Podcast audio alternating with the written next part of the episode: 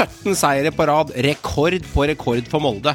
Liket lever enda på Nordmøre. KBK har enda ikke gitt opp. Men sølvet, det eide RBK i 14 minutter og 11 sekunder, før Glimt ville det annerledes.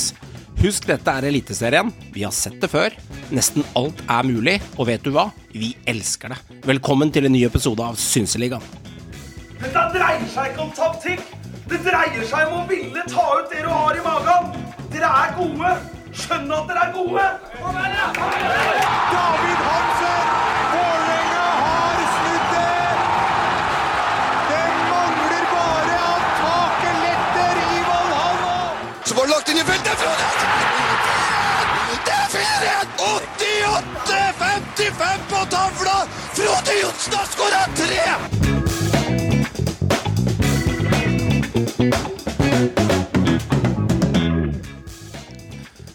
Det er jo sånn, Kar, at uh, Eliteserien kan gi deg hjerteinfarkt i tider. Uh, og vi trodde, vi trodde jo, Merando Merando, at uh, RBK tok et deilig skalp mot Glimt og liksom fikk trøkk nordlendingen litt ned i gjørma, som jeg ville sagt det på trøndersk vis, uten dialekt. Uh, men Bodø-Glimt de slo tilbake de og viste at eh, alt er nesten mulig i den ligaen her. Så eh, er, vi må, kan jo ikke si noe annet at det er vakkert, hvis vi ser det objektivt.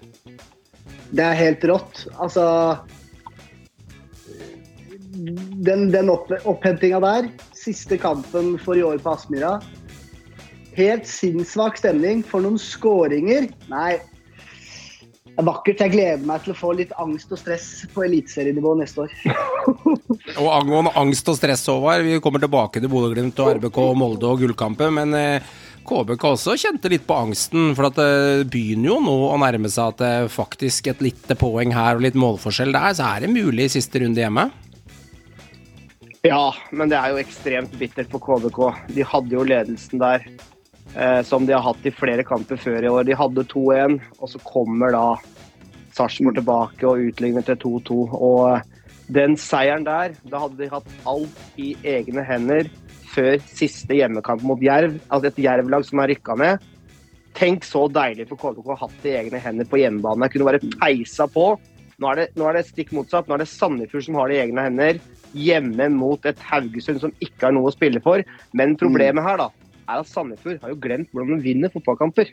Det er helvetes lang tid siden de har gjort. Så om de faktisk klarer å diske opp det i siste kampen, det er jeg utrolig usikker på. Så det blir et drama uten like den siste serien. Både i, i sølvkamp og i eh, kvalikkamp.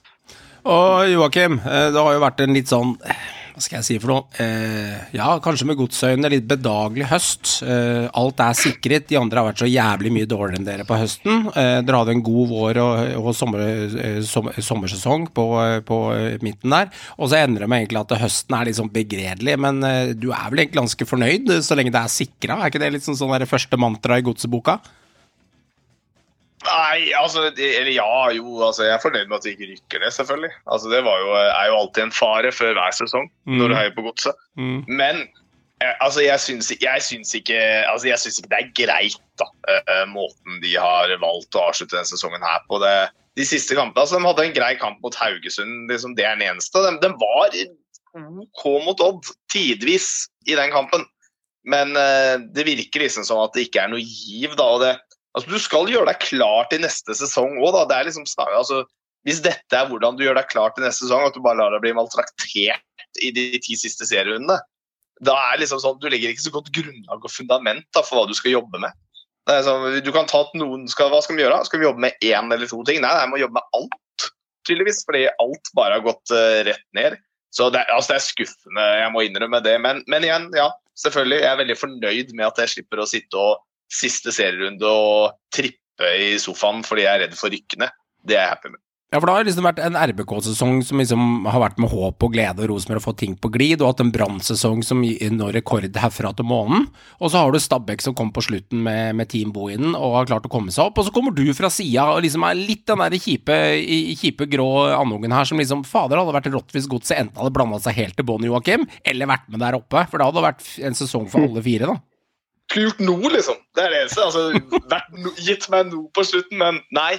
Jeg tar heller en kjedelig avslutning med en del tap og overlever, enn å være i den smørja der. Det er akkurat det. Den, det skal jeg ikke si noe annet på. Ser den. Men, men for å ta gods litt, da, så er det jo på mange måter en nitrist avslutning på sesongen. Altså, Dere var jo liksom Ja. oppe og nik nikka On litt. fire! Var jo, på var, jo på var jo på øvre halvdel. Vi begynte jo til og med å snakke litt om her. Kanskje godset kan blande seg inn i topp fem. Og vi, man begynte å bli liksom litt sånn positive på godset sine vegne, da, men så har det jo på en måte bare endt som det har gjort de siste sesongene, at høsten har vært begredelig på mange måter. og og laget har på en måte stupt. Eh, altså Gods og Viking er jo de to lagene som virkelig har bare floppa på høsten nå. Altså Det er jo helt nitrist det de har levert. Og, og uh, hvis du tanker på egne fans, altså egen by, altså optimisme litt sånn inn mot neste sesong, da. Og, og, og så trua på at trenerteam For her er faktisk, her er faktisk litt funny, for her er det to tre altså Håkon Wibe Lund og BP er jo på papiret likestilte, da. Litt, litt sånn i hvert fall. Samme er det jo Sandefjord, der det er Teg, han, eh, Tegstrøm og, og Hansi Ødegaard. Og, og, eh, og i Sandefjord, beklager. Og så har du Viking med Jensen og, og Bjarte Lund Årsheim. Disse her modellene synger et lite siste vers for, tror jeg. altså. Eh, For å være helt ærlig. så Slår sprekker. Ja, det slår sprekker. Hvem er sjefen? Hvem er tydelig sjef og leder og den biten der? Og disse lagene, særlig Godset og Viking Sandefjord, visste vi kommer til å slite, men, men Godset og Viking har jo virkelig vært begredelige på høsten. Her må det gjøres mye inn mot neste sesong, ellers kan det bli skummelt. Altså, skal, altså, I Godset altså, er det jo helt åpenbart hvem som er trener nå. Altså, det, det er Vibe Lund som er trener i Godset. Altså, det ser man jo. Altså, det er jo bare å se på Godset-kampen. Altså, BP syns jo ikke engang. Altså, han er jo ikke der, så det er han som er trener.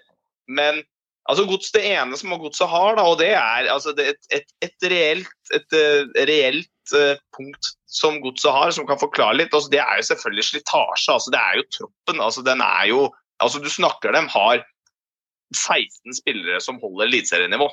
Uh, De har ikke det heller. Nei, jo, det har de. Altså, jeg vil si de, ja, jo, en 16 spiller. De har en, en elver og fem uh, reserver de kan bytte inn på som holder et greit eliteserienivå. Ikke kjempebra, men greit.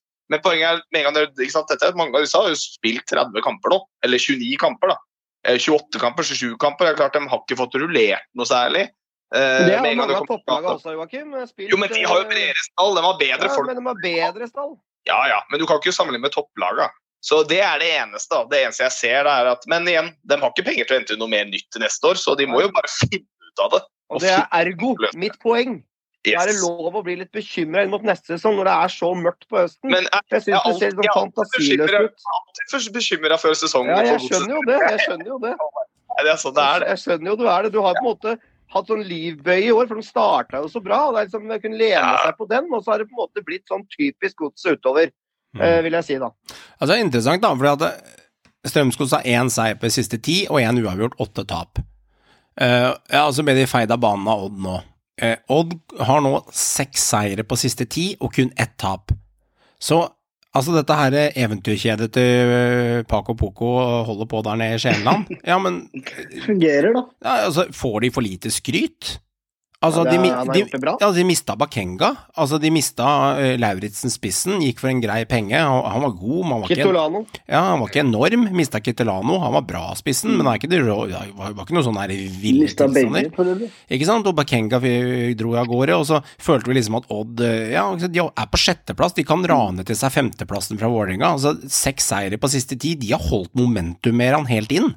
Det er eh, Ja, de har faktisk et ekkelt lag å møte, og de har holdt flere kamper også i Eliteserien her mot bedre antatt lag. Har de også holdt eh, staben ganske lenge, så eh, Og det imponerer meg litt. Jeg syns det er litt underprata De lag. har hatt en veldig god høst. De har hatt en utrolig god høst også. Det er jeg enig i. De er underprata, og spesielt kanskje av meg òg. Jeg, jeg føler vi Det er en kjip klubb. Altså, klubben har vært så jævla kjip. Det er drittkjedelig. Det, det er nettopp det det er. Det, det, Men det, men det de får vil noe til. Det jeg vil gi Odd honnør for, det er spillestil. Eh, Det er å være trygg mot eh, spillestil, offensiv spillestil, som de har utvikla under Paco. Og så er det igjen også evnen til å få fram unge, lokale gutter gjennom det, det systemet sitt. De har ofte vært elendige til å, til å forvalte disse talentene og få mye penger for dem.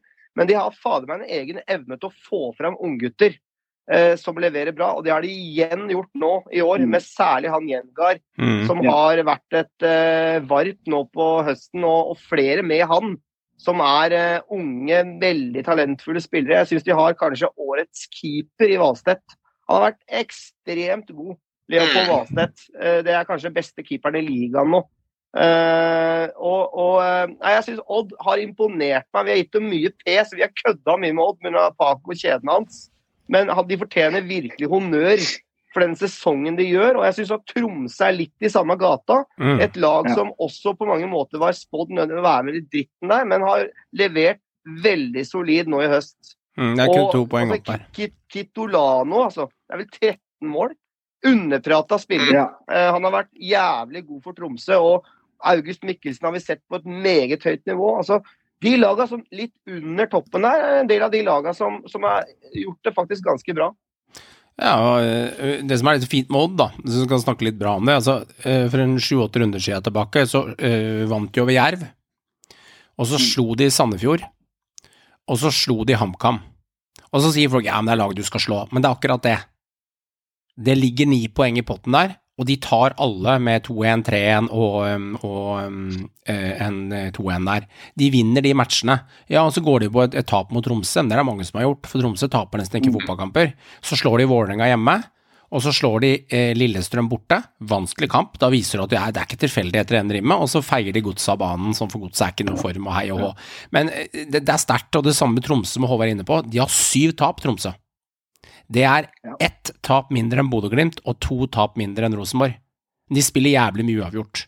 Så Mm. eh, Tromsø har begynt Altså, eh, de to laga der, eh, Odd og Tromsø, det minner meg litt om når vi fulgte med på 90-tallet, at Odd var et vanskelig lag å følge med på. Det var alltid et helvete å komme til Alfheim, og det begynner å komme litt tilbake igjen der nå. Så helt supert og bra, Altså, altså. Odd hadde jo, hadde jo en periode der de på en måte var sånn midt på tabellen-lag. Og, Mm. Og så hadde Ja. de en periode under Fagmo der de på en måte blanda seg inn i helt i toppen og var Jeg husker ikke hvor høyt de har vært på sitt beste. Nei. Men kan, men kan det være en tredje, tredjeplass da, Ja. under Fagmo, Ja. som er det beste? Ja. Bronse. Og da, da hadde de vir, virkelig gode årganger. Vi Til og med, folk begynte til og med å snakke litt om gull en periode eh, rundt Odd. Og så har det gått nedover, men nå begynner de å jobbe seg opp. Og jeg tror det har vært et helt riktig valg.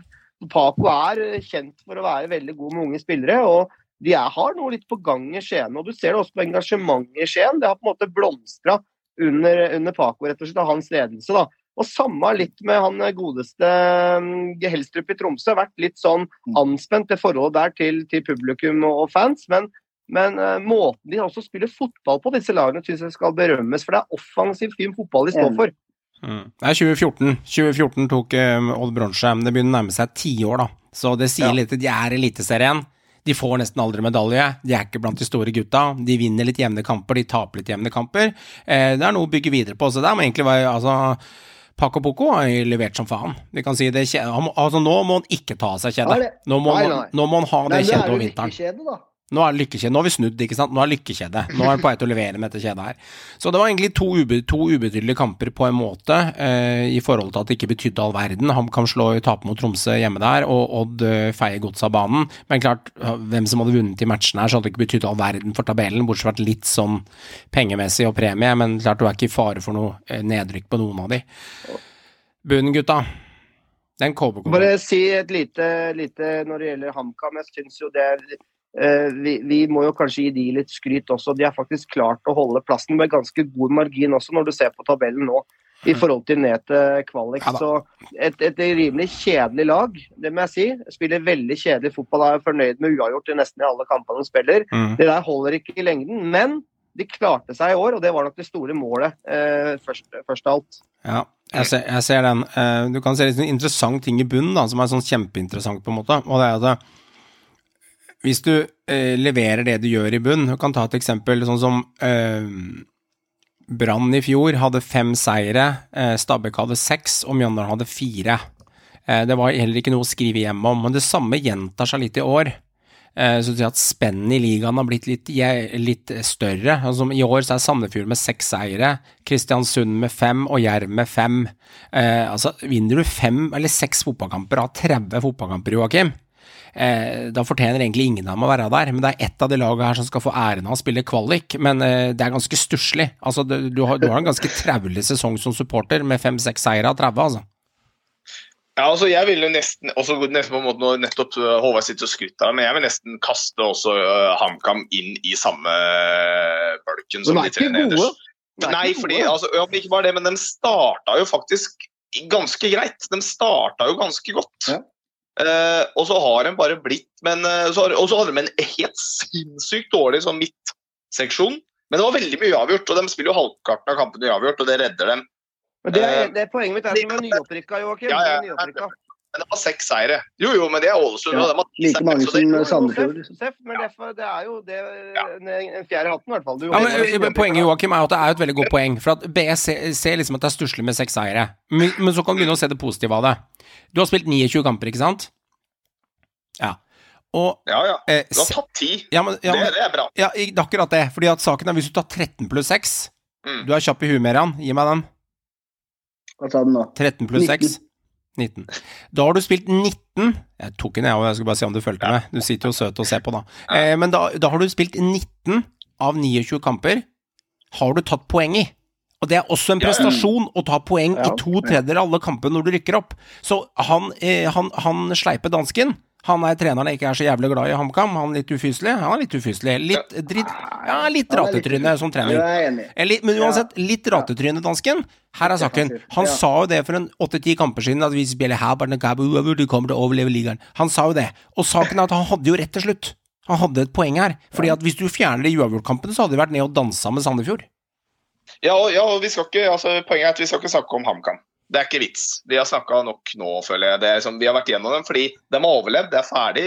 De får den plassen de har, ellers så går de forbi Godset etter at Godset blir maltraktert av Bodø-Glimt siste serierunde.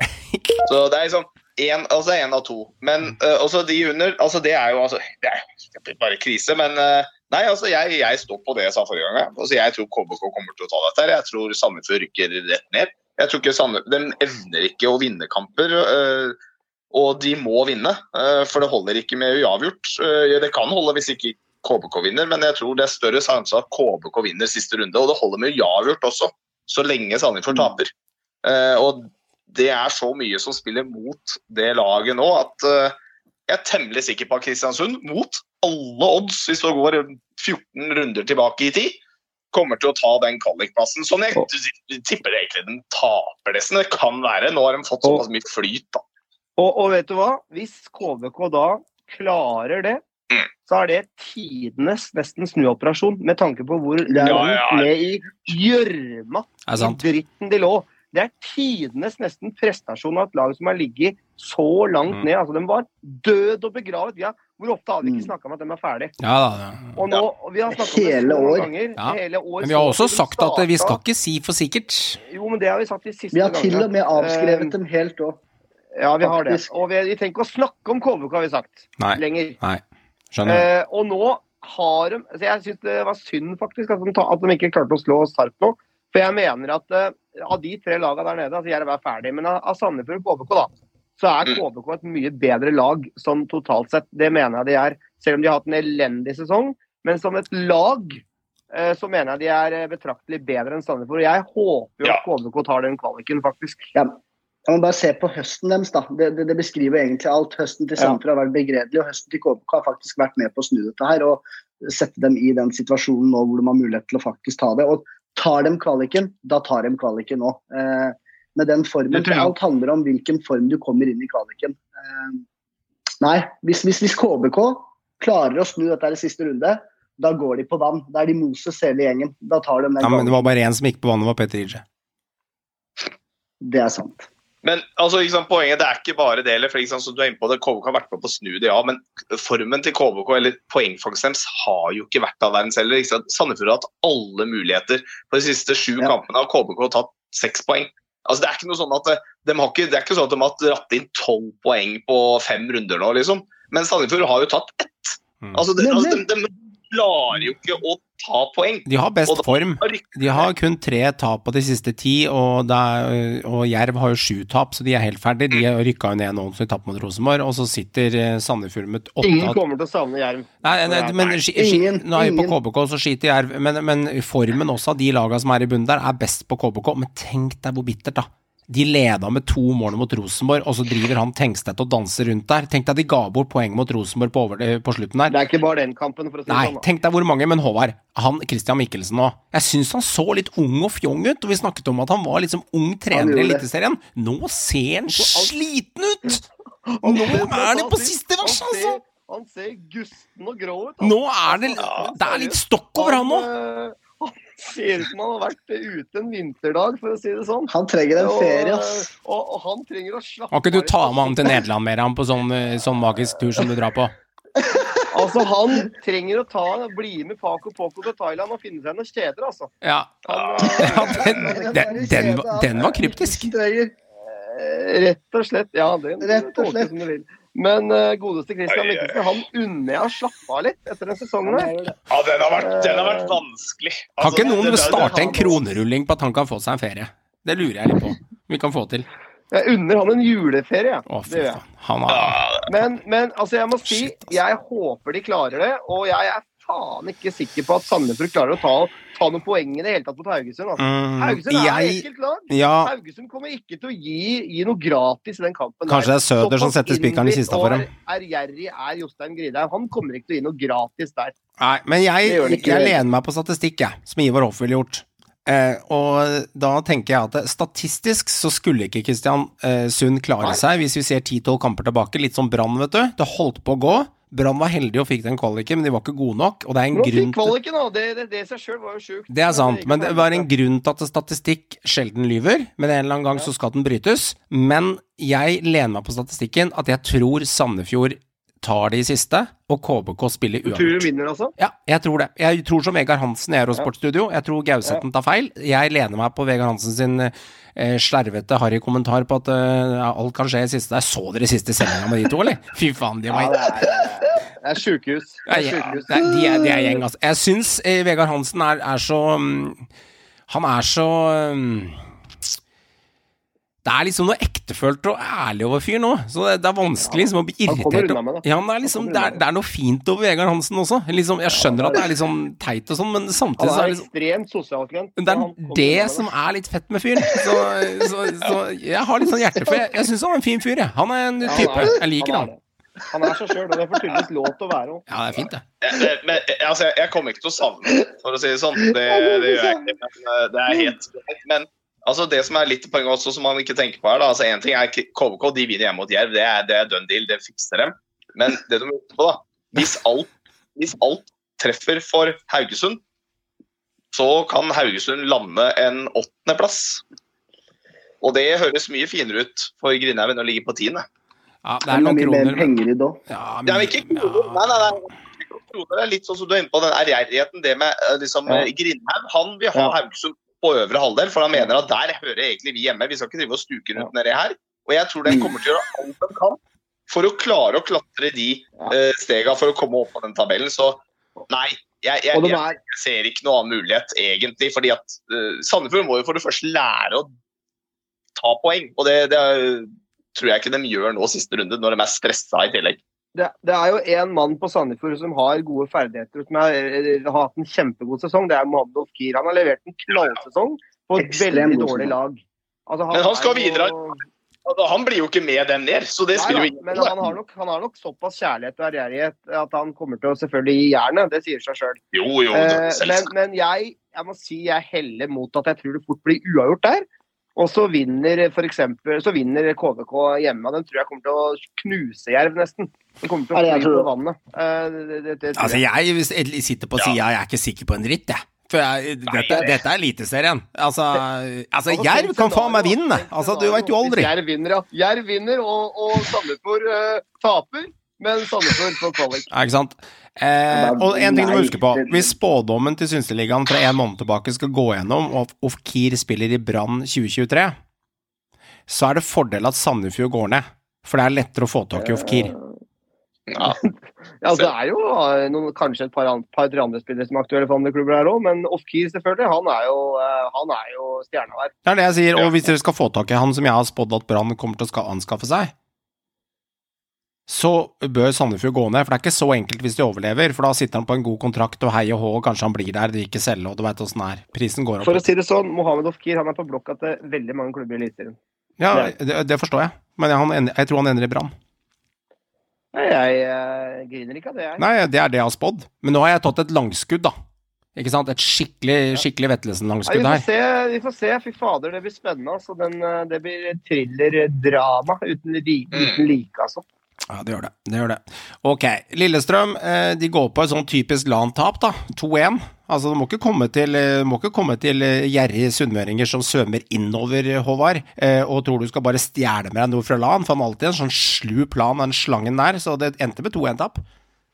Ja, et kjedelig Ålesund-lag. Det vil jeg si det er Etter at Sigurd Haugen dro, så har det ikke vært mye å rope hurra for. Det, det må jeg si. Men ja, de gjør jo faktisk en god sesong som et nyopprykka lag, da. Det er faen ikke mye sexy, det de, det de viser fram. Er. Etter, etter, at, etter at Sigurd Haugen dro, så har det vært grått og trist og ganske kjedelig. og Moses Ibaye og Gilbert Komson har kanskje levert litt. Jeg må si jeg er veldig skuffa av Fredrik Haugen. Han har hatt en elendig sesong etter at han hadde faktisk Ja. en ganske god høst for Stabæk. Eh, det hadde han. Mm. Han var ganske Han hadde det. god, god på et Stabæk-lag som var ganske dårlig.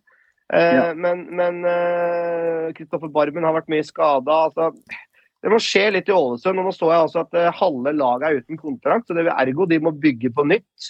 Jeg tror at Ålesund skal slite fort i neste sesong, for å være helt ærlig. Jeg, eh, men det er jo lenge til å spå det, da. Men eh, ja, de, de klarer seg jo selvfølgelig med bravur, men mye på mye takket være en veldig habil vårsesong og Sigurd Haugen i on fire, da. Men det er ganske traust og kjedelig der oppe nå. Det syns jeg. Men, men, de vin, men de vinner. Og det igjen er jo et stikk til LSK som bare viser at de ikke er gode nok til å være med helt der oppe. Og litt sånn kjip femteplass ender det vel med. Eller fjerde, sorry. Fjerde. Ja, Lillestrøm har tapt seks av de siste ti, Joakim. Ja, og det, det, lukta, det, lukta, det lukta litt gull på Åråsen vet du, en periode. her. Vi snakka høyt om det. Og Lene Olsen, og Lene Olsen til hjem igjen og greier. Men det verste er at de har vært dårligere etter at Lene Olsen da spilte, og Akor Adams måtte ut med skade. De fløy Det er mye helt høyere siden da. Akor var ute. Det, helt siden Akor dro ut, så har de slitt egentlig. Og høsten deres har egentlig vært Det var dårlig. jeg dårlig. forsiktig med å si- Ja, Jeg skal, det jeg skal med å si dårlig, for da veit jeg om en som blir sinna på meg. Men, men, De har ikke vært dårlig, men den har ikke vært god nok. Den har ikke vært god nok. I Altså, starten av sesongen vår De er ikke noe dårlig lag. Nei, det, ja, men I våren så vippa de de kampene. I høsten har de ikke vippa de kampene. De har ikke hatt Spør du meg Så har de hatt litt mye skader. Hatt litt mye skader òg. Jo da, men det er det mange andre som har hatt. Ja da. Blant annet seriemesteren. Men så skal man også ikke glemme en ting, da, og det er litt av poenget også litt i der. Må huske på at uh, Lillestrøm lå helt oppe i toppen der. Lenge, altså. Når, jo, men de gjorde det før Glimt og RBK begynte å våkne og spille en fotball de skal gjøre. Og Glimt og RBK er helt åpenbart bedre fotballag enn det LSK er i år. Altså, det er ikke noe tvil engang. Eh, og når det begynte å rulle litt der, så kan man si hva det er. Om det er slitasje, om det er rett og slett det at den ble litt stressa av å ligge der oppe. Om den begynte å krype innpå dem, vet ikke. Men det, de, er, de er akkurat så gode som de er. Da. Det, det er soleklart for meg det fjerde beste laget Ja. i år i Eliteserien. Altså, det, det er dem, så enkelt er det bare. Så tabellen ljuger ikke der hvor LSK ligger, men de er jo, har vist seg å være milevis bak de tre foran, sånn egentlig. Eh, Ja. Så i kvalitet så er den det. Det er en et godt stykke bak de tre lagene som ligger foran dem. på tabellen. Var med lenge og nikka og kjempa toppen. og Selv om de hadde en dårlig periode, så klarte de å bite seg fast. Men når det virkelig gjaldt som mest da, på slutten her nå, så har de jo rett og slett bare vist at de ikke er gode nok. Og når du taper hjemme mot Odd, ikke sant, sånne ting, i avgjørende kamp og fullsatt Åråsen, det, det holder på en måte ikke. da. Men jeg er litt skuffa over hjemkomsten til Lenne Olsen, jeg, for å være helt ærlig. Jeg hadde forventa Mm. litt mer. Uh, han, eh, han skulle liksom være sånn redningsmann, nærmest, eh, og skyte dem til i hvert fall medalje. Han klarer jo ikke det aleine. Nei, han klarer ikke aleine, men du må tenke på hva de var før han, før Ja. han kom også. Det, det var jo et lag som var leda serien lenge og var jo vanvittig bra og veldig solide. En, en annen ting jeg vil ta LSK på, det er at defensivt har de vært utrolig mye svakere på siste Mm. halvdel av sesongen. De var ekstremt bra. Tom Petterson er jo ute. Han, han har vært et stort savn for de, og Gubu har vært mye mer uryddig og keitete enn hva han var i, starten. Mm. Da var han et beist. Han var ligaens beste stopper og har vært, vært uryddig nå siste halvdel, Ja. eh, faktisk. Kanskje han leverte litt Så- over evne, så er han ikke ligaens Ja. beste stopper, men han var det kanskje i en ti kamper, Ja, og så var han det var eh, på et godt LSK-lag, Ja men jeg synes det var meg vel, det er jo et bra lag. Men det er ikke Ja. topp tre. Det er sant, det er også med stille spørsmål, liksom, et par rundt ting. Simsir, da, henta i sommer. Eh, har så vidt 100 minutter, altså så vidt 90 minutter i beina på 10-12 kamper. Får 7 minutter her, 17 minutter der, 11 minutter der, 3 minutter der. Har ikke levert et målpoeng, og var jo en helvetes trussel for Jerv. Altså, det stiller bare- spørsmålet, ikke at jeg vet. Hva er grunnen til at vi kjøper en sånn spiller for å fylle opp Jeg har ikke kjøpt Johan. Ja. Lånt den, da. Ja, ok, fair enough, men de har, de har vel sannsynligvis en opsjon på et eller annet styr her, ikke sant, og det er helt greit. Og så har du blant annet Lundemo. Henta han Marius Lundemo. Han fikk seg 26 minutter mot Godset i en 2-1-seier. Etter det så har han ikke vært på banen, sitter på tredemølla, har ikke spilt på 8-10 kamper. Altså, ja vel, han er ikke gratis, han heller. Og så kan vi ta opp uh, Mr. Helland, da, ikke sant? My old favorite. Fin han, men hurra Ja, ja, jeg skjønner det, vi kan ikke kødde for mye med han, men fem minutter fikk han sist, og 21 minutter før det. Det er litt sånn småskavanker over hele linja. Liksom sånn, for meg virker det litt planløst, uten at jeg kan for mye om det. Og jeg legger til det, jeg kan ikke for mye om det, men du ser litt på resultatene de siste ti kampene også. Ikke sant? Hvis dette er det vi skal legge oss på, altså Simsir, Lundemo, Helland, Aasen har vært litt inn og ut. Altså, ja, skade på Adams, ikke sant. Tar vi Fridjonsson i tillegg, da, så kan vi snakke om Fridjonsson. Han har spilt 60 minutter på de siste sju kampene. Altså, har han jo ikke spilt det for at han er en dårlig fotballspiller. Han har spilt det sannsynligvis han har hatt litt utfordringer, sikkert med skader, det er sikkert ting som har skjedd, det har ikke vært spilleklar. ikke god nok. Ikke god nok heller, men når ikke du er god nok, du ikke er spilleklar, og ikke spilleren du kjøper inn får spille, da er det noe gærent i leddet et eller annet sted på rekka her. Så jeg tror Lillestrøm må rydde noe jævlig i kasjotten, Håvard, før neste sesong. For du kan ikke gå inn i 2023, for det kommer lag her. RBK er bra, Molde er bra, Glimt er bra, Odd kødder ikke. Brann har ikke tenkt å ligge og grine i 2023. Altså, og Vålerenga, de er på. Altså, Lillestrøm, de, de må forsvare denne eh, femteplassen her. Eh, i, Fjerde. I, i fjerde, ja. Men det kan jo ende med femte, det kan det kanskje ikke. De må forsvare, forsvare denne fjerdeplassen her i 2023, og jeg tror det i seg selv blir beintøft. Jeg er helt enig med deg. Eh, Jeg tror at de har en veldig veldig vei å gå. Skal de kjempe om medalje i 2023 med tanke på hva de andre lagene er kapable til. Eh, Jeg, eh, jeg syns det på en måte har, de har blitt, de har blitt litt avslørt Ja. eh, utover høsten her nå. Mm. Eh, Ganske enkel, litt primitiv spillestil. Og når de ikke klarte å bikke de kampene i sin favør Sikkert mange som er uenige om dette her, og kanskje en viss herremann vi kjenner godt. Men, men jeg syns LSK har blitt litt avslørt på spillestil. Jeg syns Ja. det er litt primitivt og litt enkelt. Og når det på en måte har blitt litt avslørt, så har de ikke vært gode nok i, i, i etablert, eh, rett og slett. Og fått litt skader og formsvikt. Selvfølgelig, det vil alle lag merke. Men de har en vei å gå, de, skal de melde seg på som en medaljekandidat i 2023. Ja, og så må du finne ut hva som er feil her, da, for det er det jeg liksom lurer på. Altså, de spillerne er henta for en grunn. da, og det er Simsir har jo vist seg fram altså allerede. Vist at den kan holde det nivået. At den fungerer i Eliteserien som en farlig spiller. Og bør fungere bedre i godt lag. Og Da kommer litt av poenget, da, om det er spillerne eller om det rett og slett er fordi det som altså, Det er litt som du er inne på, da. De har blitt avslørt, men uh, nå har ikke jeg vurdert LSK sine kamper nøye, da, men det virker som de uansett bare gjør det de er vant til å gjøre. Altså det, det, jeg tror det heller går det om man tør å gjøre endringer og putte på disse nye spillerne og la de spille, da, la dem spille seg inn. Uh, om man tør å ta ut uh, Akol Adams tidligere, eller da Lene Olsen nå da, for å bruke Fridjonsson, eller putte inn Simsir. Altså, det er litt sånn heller det at ja, og Er det spillerne, eller er egentlig laget egentlig kanskje bra nok, men at man må ja, når, når du blir avslørt, så må du jo som trener faktisk klare å snu deg rundt og gjøre noe annet eh, som gjør at motstanderen blir usikker på deg og eh, må demre opp for noe nytt. da. Så jeg er litt det det går på, da, om det er der det handler om, eller om det rett og slett er kvaliteten på spillerne. fordi på papiret, sånn rent som jeg ser, så har jo ikke LSK en dårlig spillertropp overhodet. Nei, men, Eh, men, det, er- men det er spørsmål rundt den, Bakka. Ja, ja. Ja, ja, selvfølgelig. Ja, altså, de, de, de er, jeg er enig, de er Norges fjerde beste lag, og det forsvarer dem veldig greit. De har, de har levert en eh, ganske god sesong, men faktisk ganske skuffende med tanke på hvor de var, Ja. og entusiasmen. Det Mm. som, og, og jeg mener oppriktig, de har problemer inn i 2023. Det mener jeg de har. De, de må handle, og så må de ta noen tøffe valg på spillere som ikke har levert, og som er eh, over toppen så det holder. Ref. Helland og flere. De må ta et, en, en, et tøft valg der på veien videre, mener jeg, for å ta steg. Eh, og så må de få inn, eh, inn eh, spillere som går inn i elver og forsterker. Jeg tror Mm. ikke det laget her er bra nok til å kjempe om noen medaljer hvis ikke de får inn betydelige forsterkninger inn i 2023. Ok. Jeg syns benken nå, faktisk. Sorry, jeg avbryter, men jeg, jeg synes litt benken nå, fordi litt av utfordringen til Lillestrøm med trenerteamet òg, litt som Joakim var inne på, er at eh, i liten grad klarer å vippe de kampene, snu de kampene. Han har liksom ikke noe X-faktor Ja. å bytte inn Som snur De gjorde i kampene, altså, det, er en De mer gjorde det i starten. det er merkelig statistikk om Lillestrøm. jo, men ikke i høsten. Ja, men det er merkelig statistikk der, Meran. For at de første 10-12 kampene av ligaen, så hadde de 50% av skåringene sine på dødball.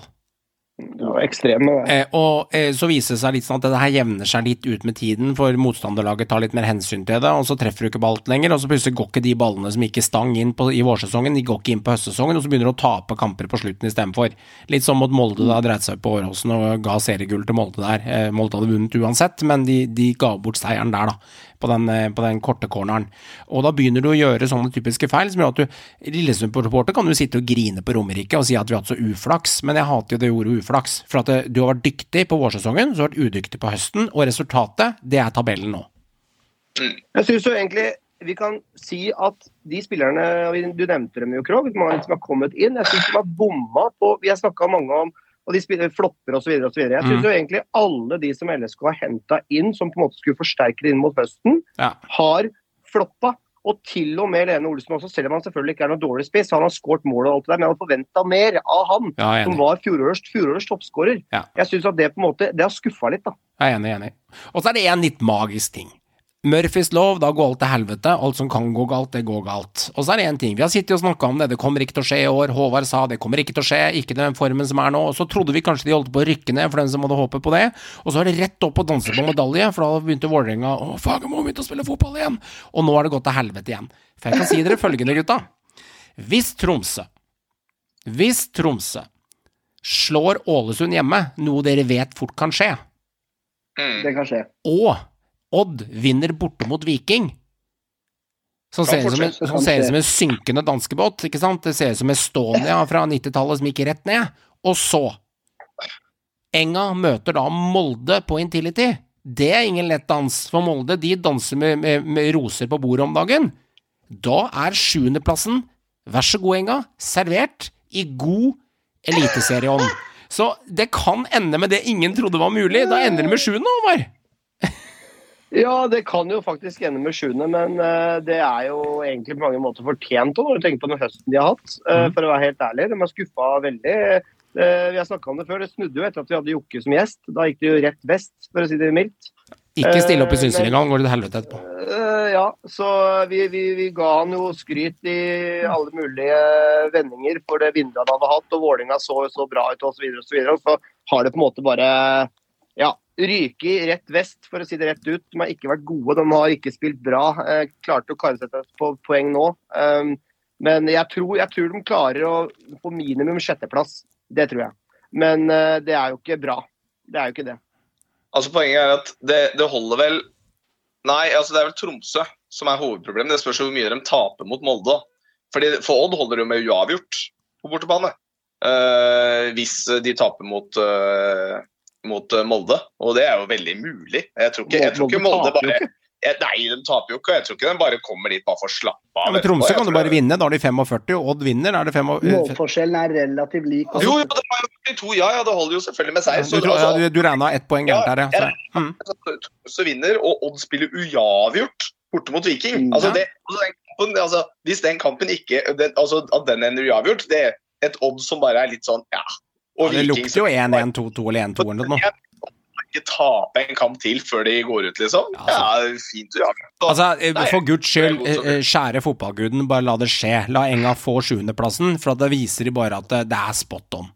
Det er sånn Og- det skal være. Og, og for oss, når vi har snakka om LSK og spillere inn 2023 for å ta steg, det er ikke noen tvil om at Jokke Jønsson må på jobb! Han må på jobb og hente flere spillere Yes. inn som hever den stallen.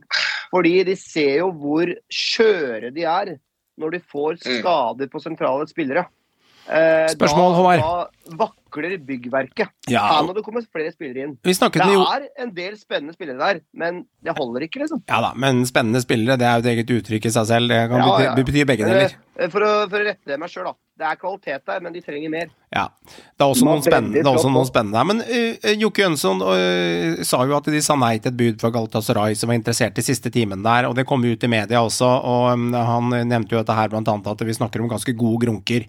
De siste åtte kampene så har jo Sarawi eh, null målgivende. Spilt 90, 45, 45, 45, 90, 90 og 0 i én kamp og 42 mot Sandefjord. Han har null målgivende, og han har levert 11 målgivende pasninger, Joakim, i 2022. Og da kan vi se litt på historikken hans, for det er interessant. Han har 11 målpoeng. Eh, Jeg teller målpoeng, noen skåringer og noen assist. Jeg teller de som likt. Og i fjor så hadde han 9. I år leverer han 11. Har han egentlig tatt så store steg? Han er glimrende i noen fotballkamper. Det var han i fjor òg. Ustabil. Ustabil. Jo, Skulle man, laget, skulle man kanskje sagt ja til 32 millioner kroner og eh, tatt det budet? For Det jeg har nevnt det. mye. Nei, men la oss si det er 26, jeg driter i det. Men poenget er følgende, jeg og mer har vært veldig på den sida av bordet, og jeg vil ta opp diskusjonen med dere, og du kan starte hos deg etter at jeg har tatt spørsmålet, Joakim. Blir klubbene noen ganger litt for grådig? Når man burde egentlig bare si selv, selv, selv, og ta det budet. For akkurat nå så ser ikke han ut som en 35 millioners mann. Nei, men eh, det er jo to, to ting som på en måte spiller inn der, da, eh, tenker jeg. Okay. Nummer én er jo Altså, én ting er jo Spilleren i seg selv må jo Han fungerte jo når, når Enga fungerer, fungerer, fungerer Saroui. Ja. Da fungerer han godt. Enig. Eh, Og Enga hadde ikke vært høyere opp på tabellen eh, hvis han ikke hadde vært der. Eh, Ja. Det er jeg ganske sikker på. Ja. Og så har vel jeg, hvis du tenker litt på ikke så lang pakketid, men det er vel ikke mange år siden Enga gikk på en ganske lik smell, hvor de solgte en veldig viktig spiller midt i sesongen, og etter det gikk alt gikk Ei alltid uke. Ja, for, ja. Så altså, det er ikke så Ja, det er ikke bare han. Det var vel eh, Nå har jeg helt glemt hva han heter. Det var særlig Juke. Da floppa det var han særlig totalt da etterpå. helt, men de, de har en tendens til å gjøre det, å selge en veldig god spiller, og etter det, og spesielt i midtbaneleddet, så selger de en veldig viktig spiller, og etter det så klarer de liksom ikke å spille fotball. Altså Da, da ryker hele greia sammen. Så nei, jeg tror kanskje Han er nok en god del av at de gjør en for til slutt egentlig en helt OK sesong, da. Uh, uavhengig av Han er, jo, hvordan han er jo blant de beste de har, uten tvil. det.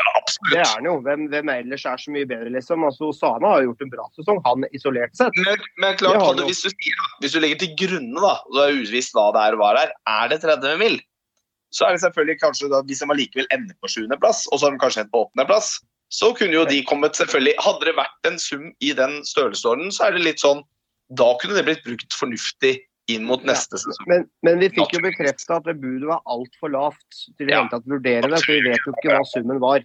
Ikke sant? Det, var, det, var, det slengte inn på deadline day. Ja da, vi synser litt, jeg skjønner hva du mener. Vi, vi Ja. synser litt, så Poenget er at det var ikke noe å rope hurra for uansett, og de kan ikke selge den på billigsalg. Han er fortsatt ung, det er viktig å huske Ja på. da, ja da. med, han er veldig ung ennå, ikke sant. Eh, Han er ikke gamle gutten. og De har mye bra i den, den troppen som er potensielt gode salgsobjekter. Men, men som lag, det er det jeg er liksom litt inne på her, de har en vei å gå opp mot toppen, altså. Men en spiller til 30-35 millioner kroner, Meran, skal ikke han være en spiller som løfter dette laget her og viser seg fram når de trenger det? Ikke en spiller som gjemmer seg bort og ikke får målpoeng på åtte kamper, og når laget er dårlig, så er han dårlig? Er ikke en spiller til 30 millioner kroner en sånn magiker som plutselig drar noe opp av hatten, hvis du skjønner bildet, og det er derfor han koster 30 og ikke 12? Jo, enig. Men den, akkurat det med Sarawi er litt todelt. For han, spør du meg, så har han også blitt litt avslørt på, på det han mangler på fysikken. da. Som har tatt litt på den. Har blitt meid mye ned, og så har, har det påvirka spillet hans litt. Men samtidig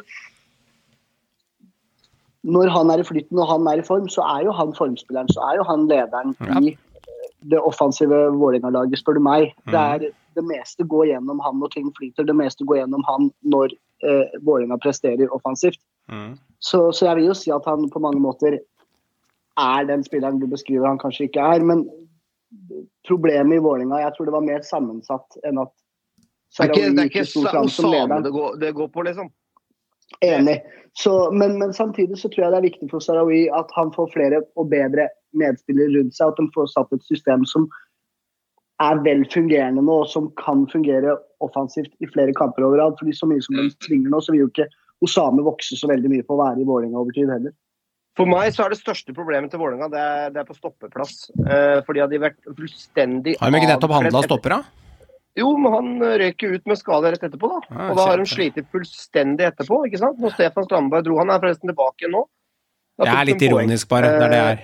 Ja, ja, men, sant? det er fakta. Han røyk jo med en gang. Han var så jævlig solide med Stefan inn. og disse, Da hylla vi dem. for Juklerud og Stefan osv. Og så, har Juklerud og Stefan eh, vært ute, og, og flere andre. Og, Det skal også sies i sammenhengen her. Når Osame var i knallform, så ble han skada. Og så har han, har han vært en, en, en periode ute, og etter at han kom tilbake, så har han ikke klart å komme tilbake i samme form. Det er også viktig å ta med i sammenheng når det gjelder Osame. For han var ute en periode med skade etter at han var i knallform, bl.a. herja mot LSK på, på eh, Intility når de knuste LSK der. Så, eh, så eh, det er sammensatt, det Vålerenga-problemet. Jeg syns de har blitt fullstendig avslørt på stoppeplass, med mangel av leder, Ja. også på sentral midt, når Odin Tiago, Holm osv. og Osame ikke har spilt. De har for liten bredde til å være et topplag. Enig. Så det endte 1-1 mot Haugesund, og araberne er ikke enkle borte. Det har flere lag merka, inkludert RBK, så det ble 1-1. Så får vi se om de tar denne sjuendeplassen, da, eller om de klarer å riste av seg løvet når høsten begynner å dra seg til og vinteren kommer. Ok, fantasy-karer, fantasy, fantasy. Har dere begynt å gi opp? Er det dere som betaler eh, julegaven til ungen min i år, eller? For jeg skal ikke på noen cupfinale. Åssen ligger det an med Rando? Nei, altså, jeg skal gå inn og sjekke nå. Ja, men 69! Se, å ja. Veldig fornøyd. Ja, 69 poeng, ja. Eh, veldig fornøyd. Ja. Jeg ser røyk litt på Sæter, ja. Eh, det var jo ikke bra. Men, men hallo, Tengsted cap 32 poeng. Vetlesen 17 poeng. Pelle 10 poeng. Resten underpresterer. Men, det- men det er klart, eh, det, det funker, det. Ja, Jeg hører på stemmen din, du har gitt opp. Når du er så blid og ligger sist, ja, har gitt opp. Herregud. Det, Ok, Håvard, hva er, eh, hva er det magiske trekket du skal gjøre nå for å, eh, for å komme i hop? Jeg så du prøver på noen lurerier her eh, ved å, ved å kjøre en Du kjørte spiserush? Mm. Ja? Hvordan Måtte, gikk jo, måtte jo bruke det. Ja, jeg gjorde også denne runden her. Og traff jo brukbart på spissrush. Mm. Bortsett fra at Sæter floppa, da. Mm. Men eh, på Tengstedt og Espejord så treffer jeg jo brukbart på spissrushen. Så mm. 75 poeng, det er jo ikke, det er jo ikke ræva når jeg ser hva andre har fått og sånn. Det er helt, helt greit, det. det sant det. Men uh, det blir jo ikke, det blir jo ikke noe sånn voldsomt uh, utslagsgivende på tabellen, for du er jo for langt foran. Det er, det, som jeg sa sist, jeg har gitt opp eh, å vinne for flere runder siden, men eh, prøver selvfølgelig å gjøre det best mulig uansett. Det er kjipt å se Brynildsen og Kaasa få 20 minutter, da. Det er Molde, da. Ja, må, ja, det er jo risiko, ikke sant. Jeg ser det. Ja, ja. jeg Jeg ser har faktisk dratt ganske mye på Brynildsen og Kaasa, men det er typisk, ikke sant. At de switcher om, switcher om etterpå. Mm. Jeg sa jo det sist, at du er ikke så langt unna Håvard. Gjør du noe krumspring på slutten her og spiller kortene riktig, så kan det ende Håvard sist i år. Ja. Jeg skal ta Håvard siste runde. Jeg har hvor langt bak er han, Han er et stykke bak, vel? greier, og jeg har noen chips der, tror jeg. Er et noe stykke bak, er han ikke det? Jo, han, Jo, er, jeg er langt han, må, han, må jeg er 30 poeng. han, må putte på, han må putte på en Sandefjord-spiss og satse på at han skårer tre skåringer ved capen. Det er det han må gjøre. Da er, det, det gjør han ikke. Det er. Men Meran, skal du ta Håvard i siste runde, så kan du ikke kjøre Tekstedt som kaptein. Da er du nødt til å kjøre en kaptein som ingen tar. Helt ukjent. Helt sånn Ingen har hørt om! Nei, Du må, du må ta en spess som ingen har hørt om, som Høgmo ville sagt. Det er, du må ta en spess som ingen har hørt om, og så må du cappe den, og så satse på at den skårer fem mål. Da tar du Håvard. Jeg har den i huet. For kjører du Tekstedt, så hjelper jo ikke det, for da kommer jo Håvard og bare kontrer med Tekstedt. Ikke sant? Jeg er Ja, nærmere Joakim enn han er med meg. Ja, ja, ja. Men når du er så langt ned som dere er, vet du, på siden, langt ned på siden her nå, nå begynner jeg å bli cocky på det. Men legg merke til hvor game jeg har vært, Joakim. Jeg, jeg har vært ganske lite cocky i år, Joakim, på å trykke de andre ned. Jeg følte jeg fikk kjørt meg mye mer tidligere her.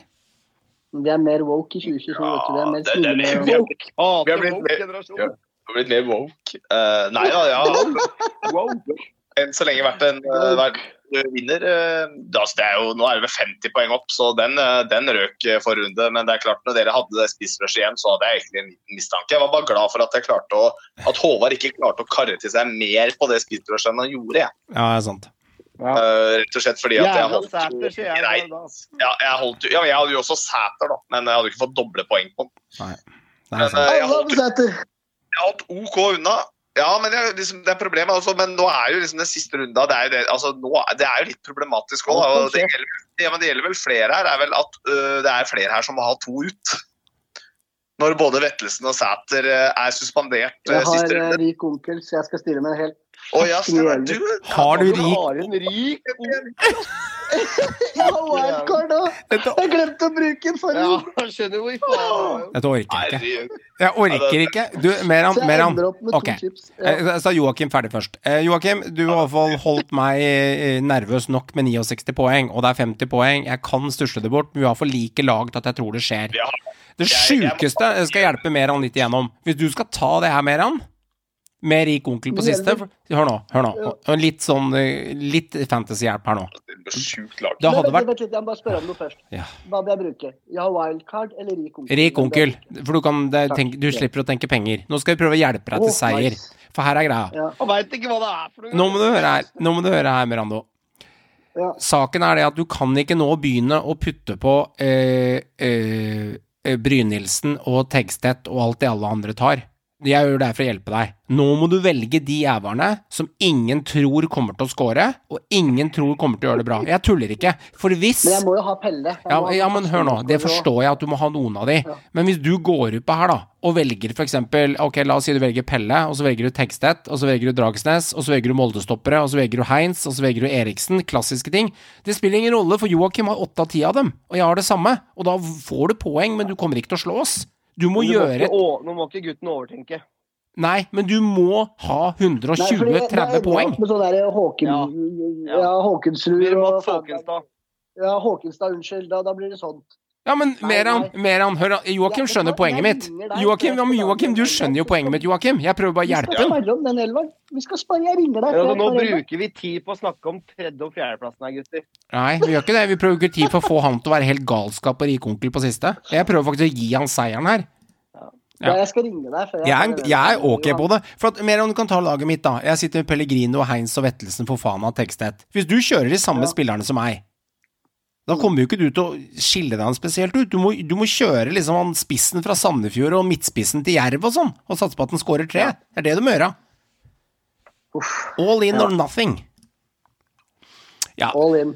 Jeg ender med 84 poeng. Eh, Jeg kjører spissrushen, og det er Vetlesen, Pellegrino, det er Tengstetten og Fofana som sørger for biffen hos meg. Resten er egentlig dødt løp og småpoints. Jeg skal holde meg bak meg. Jeg er litt nervøs for den rikonkeren din, det syns jeg er litt ubehagelig, men det hadde vært grisefett, for å si det rett ut, hvis du hadde gjort et krumspring og fått 200 poeng. Det hadde vært helt galskap. Det hadde vært legend. Hvis Meran vinner på siste runden Han Ja, kan jo jeg ikke, sy ja, men jeg syns det hadde vært så kult hvis han hadde han klart kan det. ikke, han kan ikke ta igjen deg. Det kan han ikke. Eh, 1789. Nei, det kan Lasse jeg ikke. Nei, nei, nei, Eh, nei, nei, Det er ikke mulig, det er ikke mulig, det. Det er jeg her, da. Det glemmer jo at det er jeg Det er ikke mulig. Han veit jo ikke hva chipset er engang. Nei, Nei, det, det det, fall, altså, han må, ha, han må ha 180 poeng. Ja, ikke sant. Ja, det, God jul, det går jo det, det går Ja, ikke. det ikke er- Eh, Men han kan ta igjen meg. Det kan Ja, han. han kan lett ta 78 igjen deg, det er ikke noe vanskelig. Det gjør han jo. Joakim, Det tviler- jeg på. Ja. er vi reda for quiz? ja, det er jo dere som er reda for quiz. Mm. Eh, Den eh, har ikke endra seg så mye siden sist. Jeg er i hvert fall i ledelsen, det veit jeg. Du, du er i ledelsen, ja. Den safe, har du jo safa inn nå de siste Ja, rundene. jeg- som jeg, som Mons Ivar ville sagt, stein på stein. Bygd Ja, stein på stein. ja. jeg angrer på at jeg ikke Vi ser det i Fantasy. og- Stein på stein, 29 runder, gutta. Snakker vi om fantasy nå? Er vi ikke ferdig med det? Jo, jo, men skal stein på stein holde, så må du jo holde i alle ledda. Ja, men hvem er som leder i quizen? Ja, du leder i quizen, jeg leder i Fantasy, og Meran leder i tippe... Og Meran leder i tippekonkurransen, så stein på stein for han òg. Må jo ikke begynne å snakke om ting vi er nettopp har blitt Nei, men alle er gode på stein på stein her, tydeligvis. Alle, alle steiner på steiner, holdt jeg på å si. Veldig mye Alle, steiner steiner, på alle steiner. Til slutt så er det faen meg eh, pyramide i Egypt over dette her. Vi venter, Joakim. Uh, nei, det gjør dere ikke. Dere snakker som Ja, gale. er.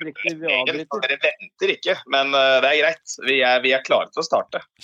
Uh, det er Johan som skal få lov til å begynne eh, denne runden. Og nå er Hvor er de nå borte? Så da er det ikke flere gratis tipoengere til Håvard. Da stryker jeg den fra lista mi, og så er det hvilken klubb, hvilken fem Der det er. har vi Hvilket år skjedde det? Har vi fremdeles et par stykker igjen på. Ja. Eh, og så er det jo hvilke fem vil vi frem, sist, uh, vil vi frem til her. Johan Style. Og så er det hvem mangler. Hmm. Så da er det de du kan velge med. Nummer to, kan du ta det en gang til? Hvilke fem eller siste fem? Eh, hvilke fem siste vil vi frem til her? Det er den Johan-style ja. som dere må få bort hvis dere har tenkt å få nye kategorier. Bare å styre unna. -hmm. Greit. Da kjører, kjører vi Hvem mangler? Uh, hvem mangler? Da står vi igjen med to, tre, fire, fem, seks, åtte og ni. Seks. Seks. Greit. Da kommer den. Eliteserielag som har spilt kvalik de siste fem sesongene. Mjøndalen, Brann, Stabæk, Lillestrøm. Mjøndalen, Brann, Stabæk, Lillestrøm. Da er det da hvem som mangler, naturligvis. Mjøndalen altså hadde Brann i fjor, og da Lillestrøm med Tom Nordli. Mjøndalen, Brann, Stabæk, Lillestrøm. KBK har ikke gjort det, da hadde Ranheim hadde start.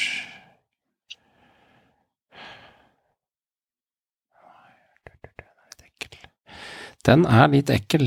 Um...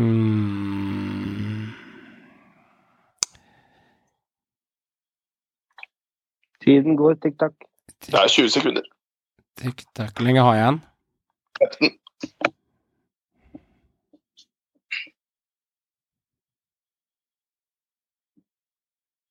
Som har spilt kvalik?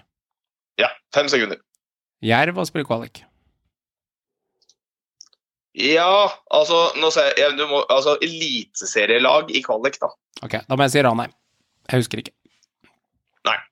Eh, men det var ikke Ranheim. Okay. Uh, det er Sogndal i 2017. Oi. Så Jeg tok, jeg tok jo den vanskeligste, da, fordi at det som alle kunne komme fram til Mjøndalen, Brann, De røyk mot Ranheim. Ja, det stemmer. Mm, det stemmer. Det stemmer. De røyk mot Ranheims, faktisk, Sogndal, i det året der. Mm. Og Geir Bakke, nei, hva heter han? Eirik Bakke var alltid sur. Alltid sur, Han han. klikka. Han er jo var alltid, alltid sur, han. Han har jo aldri blitt sånn generelt. Surpomp. Den er grei, Ja, er, mot at da er det ut uh, på første turen, altså. ja, det er nok det, altså. Mm. Yes, men da er nestemann da Det er Håvard, da. Så det blir veldig spennende hva Håvard velger nå, nå som han eh, må velge noe Altså, annet. jeg, jeg, jeg sier uh, hvilket år, ja. Hvilket år? Ja. Da har vi en 1, 2, 3, 8 og 9. Tre. 3. Da er det da hvilket år skjedde det? Her er det ingen hjelpemidler heller. Start vinner 7-0 og taper 0-6 hjemme samme sesong. Gullet ble avgjort siste serierunde, og årets toppskårer spilte på Odd, som endte på en syvendeplass.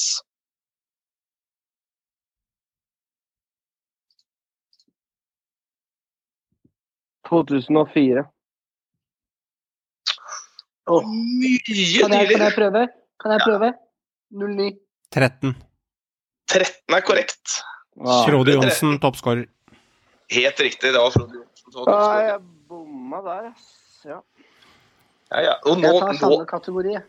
du tar samme kategori, Meran. Ja. Ja, du, Ja. dere, dere vil ikke kvitte dere med noe nå. Altså, nå går du jo ikke lenger bak, Meran. Nå kan du jo prøve deg på noe fancy. Fancy, hva mener du? Ja, nå kan du prøve, ja, ja, nå kan du prøve siste, bak deg. Nei, nei, jeg tar den hoved, kategorien tok. Den eh, er mer morsom. Ja, da er det jo 1, 2, 8 og 9, da. To. To. Greit. Ålesund kvalifiserer seg for europaspill, samtidig som de ved et nødskrig klarer å unngå nedrykkskvalik. Det skiller kun to mål fra toppskårer til nummer fem på toppskårerlista dette året. Kan du ta det siste set- setninga om igjen? Hva sa du der? Skiller kun to mål fra toppskåreren til nummer fem på toppskårerlisten det året. Og Ålesund kvalifiserer seg for europaspill, og samtidig så vidt unngikk nedrykkskvalik. Dette var eh, De unngikk nedrykk. Å ja, mens de spilte i uh... Nei, de kvalifiserte seg for europaspill samme år. Men unngikk nedrykksstrid? Ja. Ah.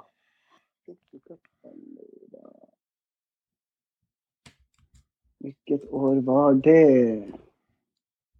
Hvilket år var det? Når de var ikke da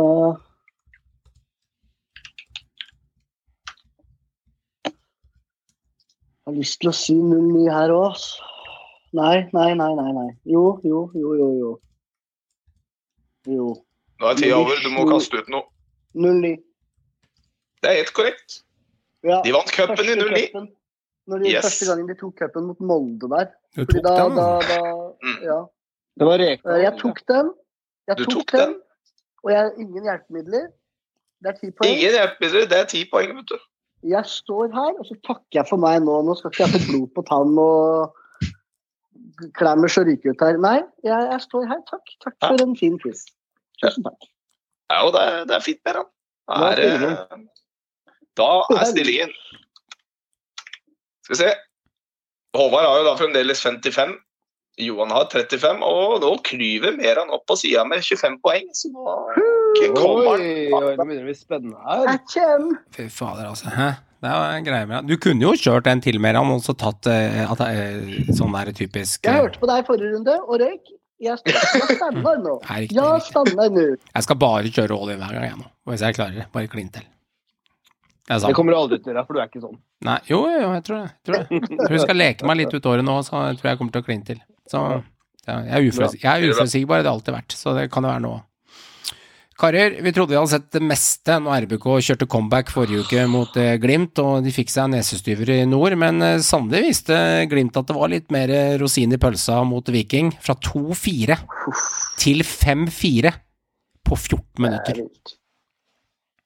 Det er vilt. Altså, altså det, er, det er bare Glimt i Norge som, eh, som eh, holdt jeg på å si, klarer å diske opp sånne, sånne kamper, føler jeg. Altså det, det, er, det er minner meg om den der eh, syke Mjøndalen-kampen med Håkon Evjen 5-4 på, på konto der. Husker du den, gutter? Jeg husker jeg. 2019.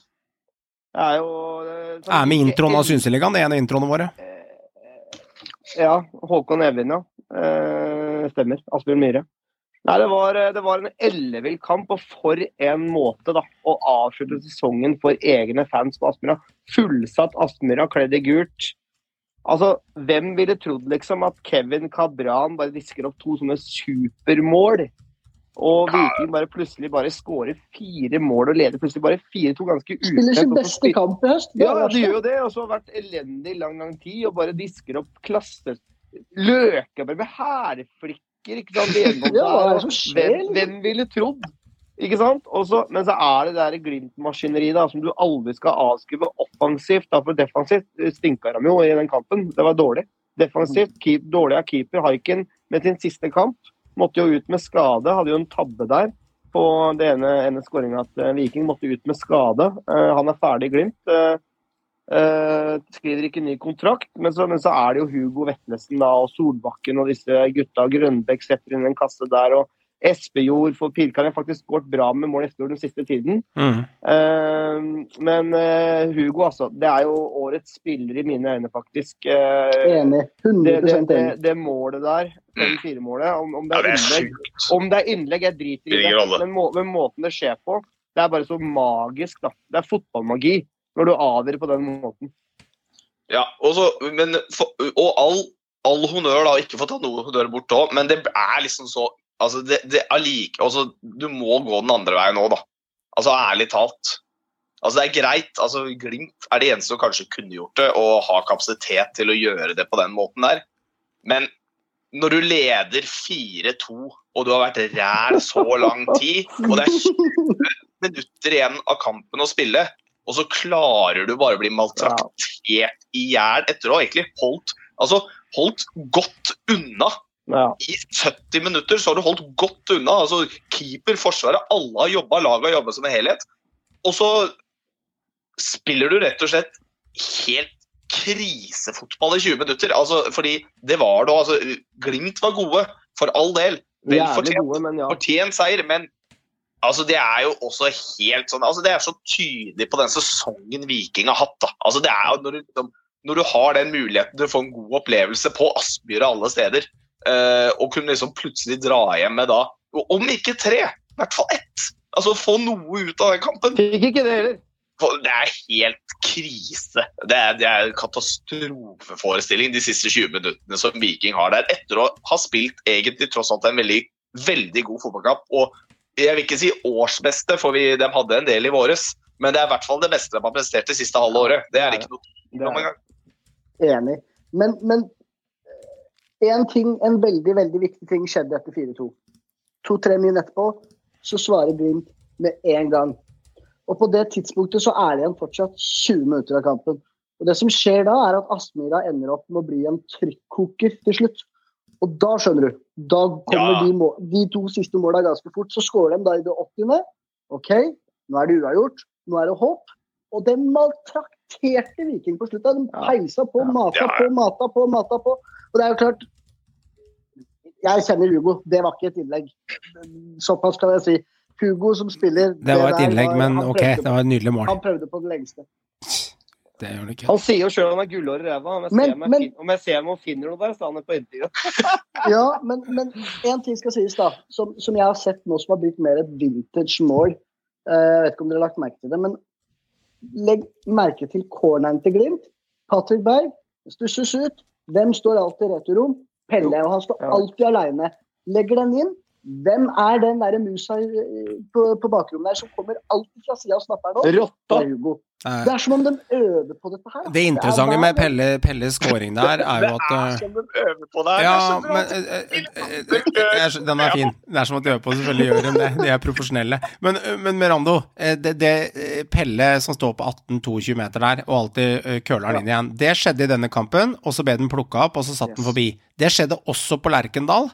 Da Pelle, da Pelle bomma på ballen og snikk den i sånn jallabue over. Han bomma på det innlegget, han prøvde å skyte, og så fulgte ikke Rosenborg-forsvaret med, for de trodde Hansen hadde kontroll, og så sklei de inn 1-2 på Lerkendal også. Og det er Hugo igjen. Ja, men de to måla var identiske, nesten. Mm. Så å si. Og det har vært flere av dem.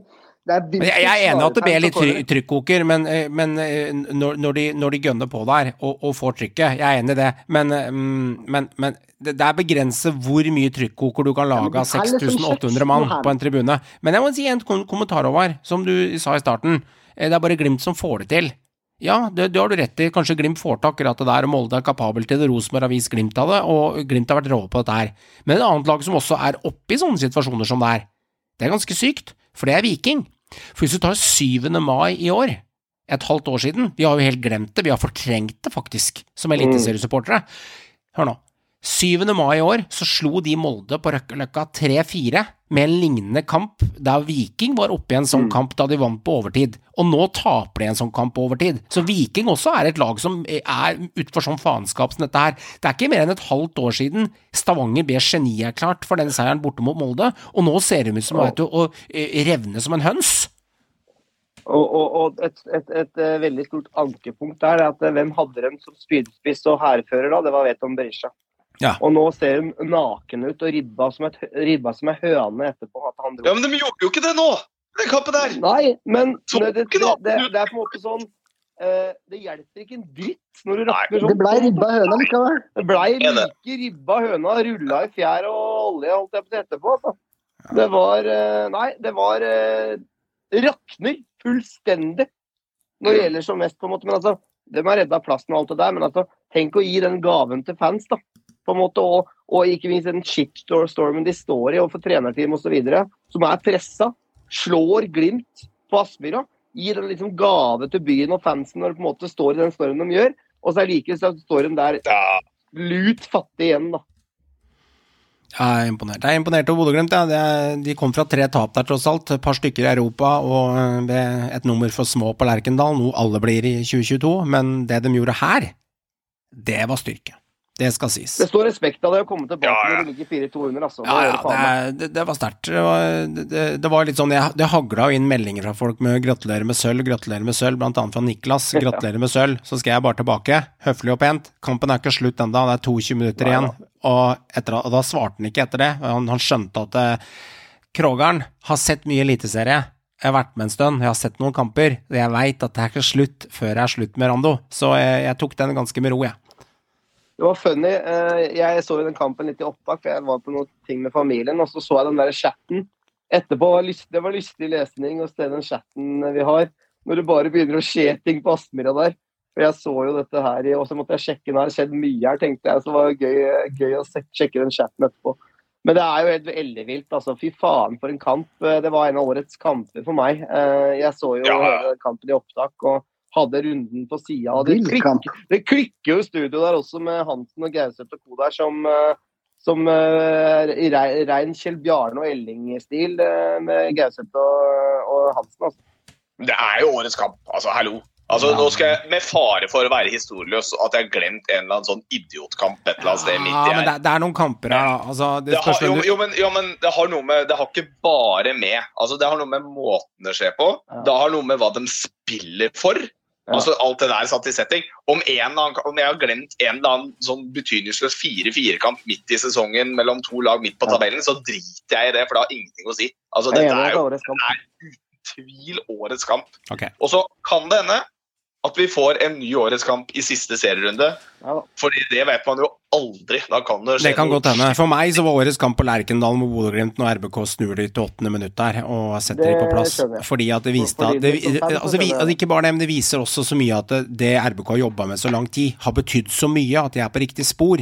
Ikke sant? Eh, Bodø-Glimt ja, de, de tar dem 5-4, og det er sykt med ni mål, men normalt skal du slå Viking. Normalt så kanskje ikke RBK slått Glimt. Eh, Det er sånne faktorer som det, da, hvor vi har kommet den. Så Ja, men det er årets kamp for en Rosenborg-support, ikke for Det en og- og ja, jeg skjønner, men, men, objektiv- men, så, man, man kan man holde på evig. Ser du fra Hvem er det du har, Meran? Hvem er årets kamp? Selvfølgelig var det Stabæk Ranheim. Kødda, kødda. Ja, greit, det er fair enough. Det er fair Men, men, enough. men, men for å snakke litt sånn eh, Nå er det jo eh, Altså, jeg blir, jeg vil bli veldig overraska, det må jeg si, hvis det eh, altså tann, tannløse godset skal klare å vippe eh, det gode Nei. Bodø-Glimt-laget av pinnen og, Mhm. og rane dem for det potensielle sølvet som de har på en måte litt i lomma nå. Men altså, vi har sett sjukere ting enn at godset skal vinne også på Marienlyst, for de er jo sterke på hjemmebane. og og, og Rosenborg tror jeg slår Sarpsborg på Lerkendal, fullsatt Lerkendal. Det tror jeg de har Sarpsborg-lag som ikke har noe å spille for heller. Det har jo ikke godset heller. Men, men jeg tror jo at Glimt avgjør det her nå og sikrer det sølvet. Og det vil være en fjær i hatten for Glimt. altså for å på en måte, ikke sant? Du, du, ja, du går videre i Conference League, og det i seg sjøl er kjempesterkt og bra. men det ble jo ikke gull, men det er derfor er desto viktigere å sikre det sølvet. Og økonomisk er det viktig, men også sånn standing for fans og i Fotball-Norge. da, å Vise at vi er i hvert fall Norges nest beste lag, da, etter suverene Molde. Og, og, og den økonomiske biten der, og, og ikke minst sånn eh, standing-messig at de, de klarer å avgjøre det og ta det sølvet. da. Ja, da, ja da, og de er favoritter mot godset borte også, men den kunstgressbanen i Drammen, den er det noe spesielt med, og ballen går litt spesielt på curlinga der. Eh, Det er en litt spesiell bane, den er litt vanskelig for mange lag. Eh, Jeg mener at eh, godset har en mulighet. Slipper de alle hestene løs fra, fra Jarlsberg tra- eh, travpark, eh, skjønner at Bodø-Glimt er storfavoritter. Det har skjedd verre ting i fotballen enn dette. Ja da. Altså Godset har en tendens til å spille bedre og også til dels få bedre resultater mot spillende, gode fotballag. eh, kontra å møte lag som legger seg bakpå og forsvarer seg.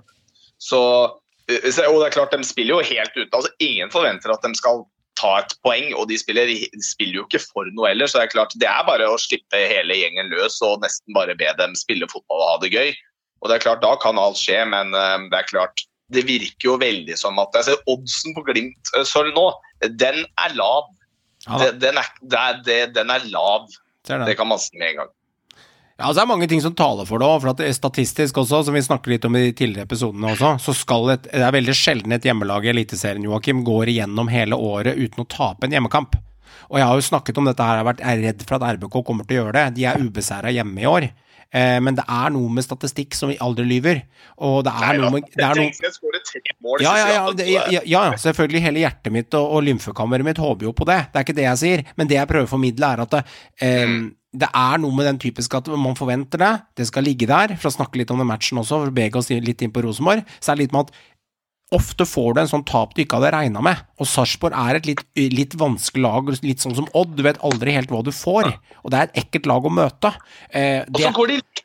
Det er også en ting. Vet hva sier du? De får Det går likt, og uansett hvor mye de prøver. Men et lite, et lite stikk Rosenborg som er fordel, da. Det er at hvis Rosenborg skulle tape kampen, og Bodø-Glimt vinner 1-5 i Drammen, så får de samme plassering om de hadde vunnet eller tapt. Det er en fordel RBK. Ja, ja. For de har ikke noe press på seg på Lerkendal nå utenom å underholde og glede publikummet. For at Rosenborg kan tape 0-5, det hadde vært dritflaut, men de kan i Turin gjøre det og fortsatt ende på tredje. Og det gjør at RBK kan slippe alle hestene løs, og uten å tenke at de må. Jeg er veldig sikker på at Rosenborg vinner komfortabelt mot Sarpsborg. Jeg håper det. Sånn type 3-0. Ja, det, det føler jeg meg sikker på, eh, faktisk. At de gjør sin del av jobben. Men jeg tror jo at Glimt kommer til å dra det her i land. og ja. Begge Spillere som. Salvesen og Pellegrino og disse altså Salvesen kommer til å spille en perifer rolle, men du kan ikke, se bort fra at han kommer inn og putter òg. Hvis det, hvis det gjelder, faktisk. Eh, ikke sant? Så det hadde Mhm. vært typisk. Sette litt sånn spikeren mot gamle lagkamerater. Det skal, det skal pokker meg ikke se bort fra at han skårer. Eh, eh, og ikke minst Pelle. Han elsker å score mot godset. Jeg Ja. vet hvordan han hadde det der. Ja. Så eh, nei, eh, jeg uh, tror Glimt avgjør det selv. Og så tror jeg også at Rosenborg vinner mot Sarpsborg. Uh, at det blir mest drama i bunnen, da. eh, med tanke på siste runde. Men hallo, dette, dette skal spilles først. Vi vet, vi Ja, vet ja. jo ikke. Det skal spilles først. Spiller Fred Friday? Eh, altså, det- spørs kanskje på, ut på hjørnet der, men det er jo Brett Brunes er jo en av de som faktisk Ja, ja, men jeg virkelig spiller fra deg. Spiller han? Han kom inn som innbytter i nå Ja, for du veit jo eh, hvor uf- uforutsigbar han kan være. Ja, ender med at Fred Friday skårer hat trick liksom siste. Men hvor lenge så er det Godset har vunnet nå på Marienlyst også? Det er vel også en liten stund siden, ikke sant? Ja, er det ikke det? Ja, da. I dager, men ikke noe, altså, det er ikke så mange kamper, da. Altså, det er det jo ikke. Den vant jo på- mot eh, KBK. 18. Så Og Og så er møter de også et meget bra kunstgresslag. Som, som er vant til å spille på kunstgress. Så ja, og Glimt har alt å spille for. Så det, er, eh, jeg- det, Glimt er jo store store favoritter her. absolutt. Utvilsomt. Altså, nå står Tengstetten, gutta. Altså, når jeg ser på tabellen, vet du, Meran, på eliteserietabellen, eh, så ser jeg, ser jeg Rosenborg på denne bronseplassen. Det er fint. Vi tar Europa. Det er, det, det er bra. Jeg er fornøyd. Jeg er happy med det. Vi har kommet dit, liksom. Mm. Eh, Yes. men jeg ser jo ikke Rosenborg. Jeg ser jo Tegstedt tredjeplass. Det er det jeg ser på tabellen. Altså, det, altså gutten har jo Men uansett, han må jo få ballen nå, da. Du må jo se en hode. Ja, da, ja, jeg skjønner jo det, da. Jeg bare kødder litt. Bare kødder litt nei, Men det interessante er at det, vi snakket jo med Yaman Kwa i en episode som var med oss for fire-fem episoder siden i Synseligaen. Han var gjest, og han sa at det, denne målstatistikken hans kommer jo ikke til å fortsette. Men det har han jo. Altså Han har jo to målpoeng hele Det tida. Nå var det tre sist, og så var det én kamp mot Molde han ikke hadde noen ting, og så var det 2-2-2-3. Altså, eh, han har jo overblikk for spillet. Han er bevegelig. Han setter jo sjansene sine, og han er en fox in the box, og i tillegg er han lur. Altså, RBK-laget fungerer bra. Jeg er mer spent på Sæter. Vi kan diskutere litt om han, for han henger i en litt av tynn tråd, men eh, RBK gjør jobben Ja. borti de. Men altså, Tengsted, han har jo på relativt kort tid skutt seg selv opp til tredjeplass på toppskårerlista. Uh, og, og det er ikke tilfeldig. Altså Neste kamp, da, hvis han skårer et par der, skal han gå forbi Vetlesen nå. Vetlesen har 16, Tengstedt har 15. Så, så det er jo Ja, det er jo helt utrolig tall. Uh, det er det jo. Men hvis de klarer å dra dette her med seg videre til neste år, uh, ja. Du veit aldri hvor, hvor de står, uh, RBK. Men jeg er litt, først og fremst litt skuffa med Pelle òg. Jeg, altså, jeg trodde han skulle komme seg inn på 30 mål i år, men det stoppa litt opp. Det er veldig vanskelig å nå 30. Det er jo bevist før. Ja, det, Fikk jo scoring Jeg nå sist, Club og mål. Det er jævlig mange som har prøvd å nå 30. Det er nesten Ender umulig. på 24. Men uansett, da. Rosenborg, fantastisk, eh, fantastisk køst og te- Det er ikke noe, det er ikke noe tvil for, altså for en spiss. Og da bokstavelig talt spiss. Det er det han er. Eh, Målskårer. Jeg er veldig spent på å se hva han kan gjøre fra, på en hel sesong, da, hvis han får, være, får spilt hele neste sesong, riktignok.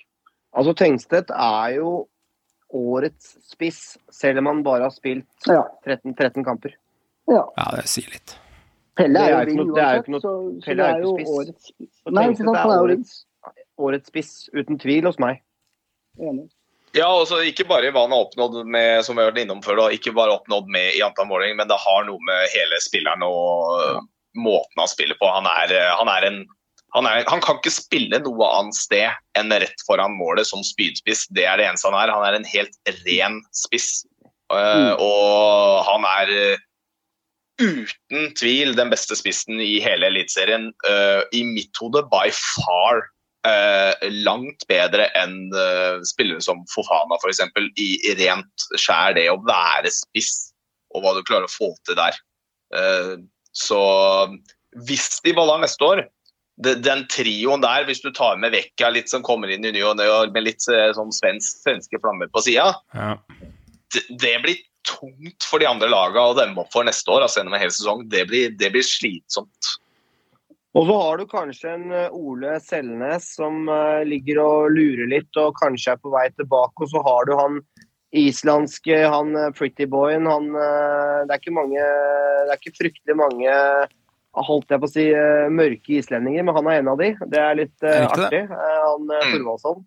Er kjekk Så over? Han er eh, kjekkas. han, Ja, ja, kjekkas. og Absolutt. Han kommer til å dra damer opp i Trondheim, han. Hvis han ikke har hvis han konkurransen nå, Joakim.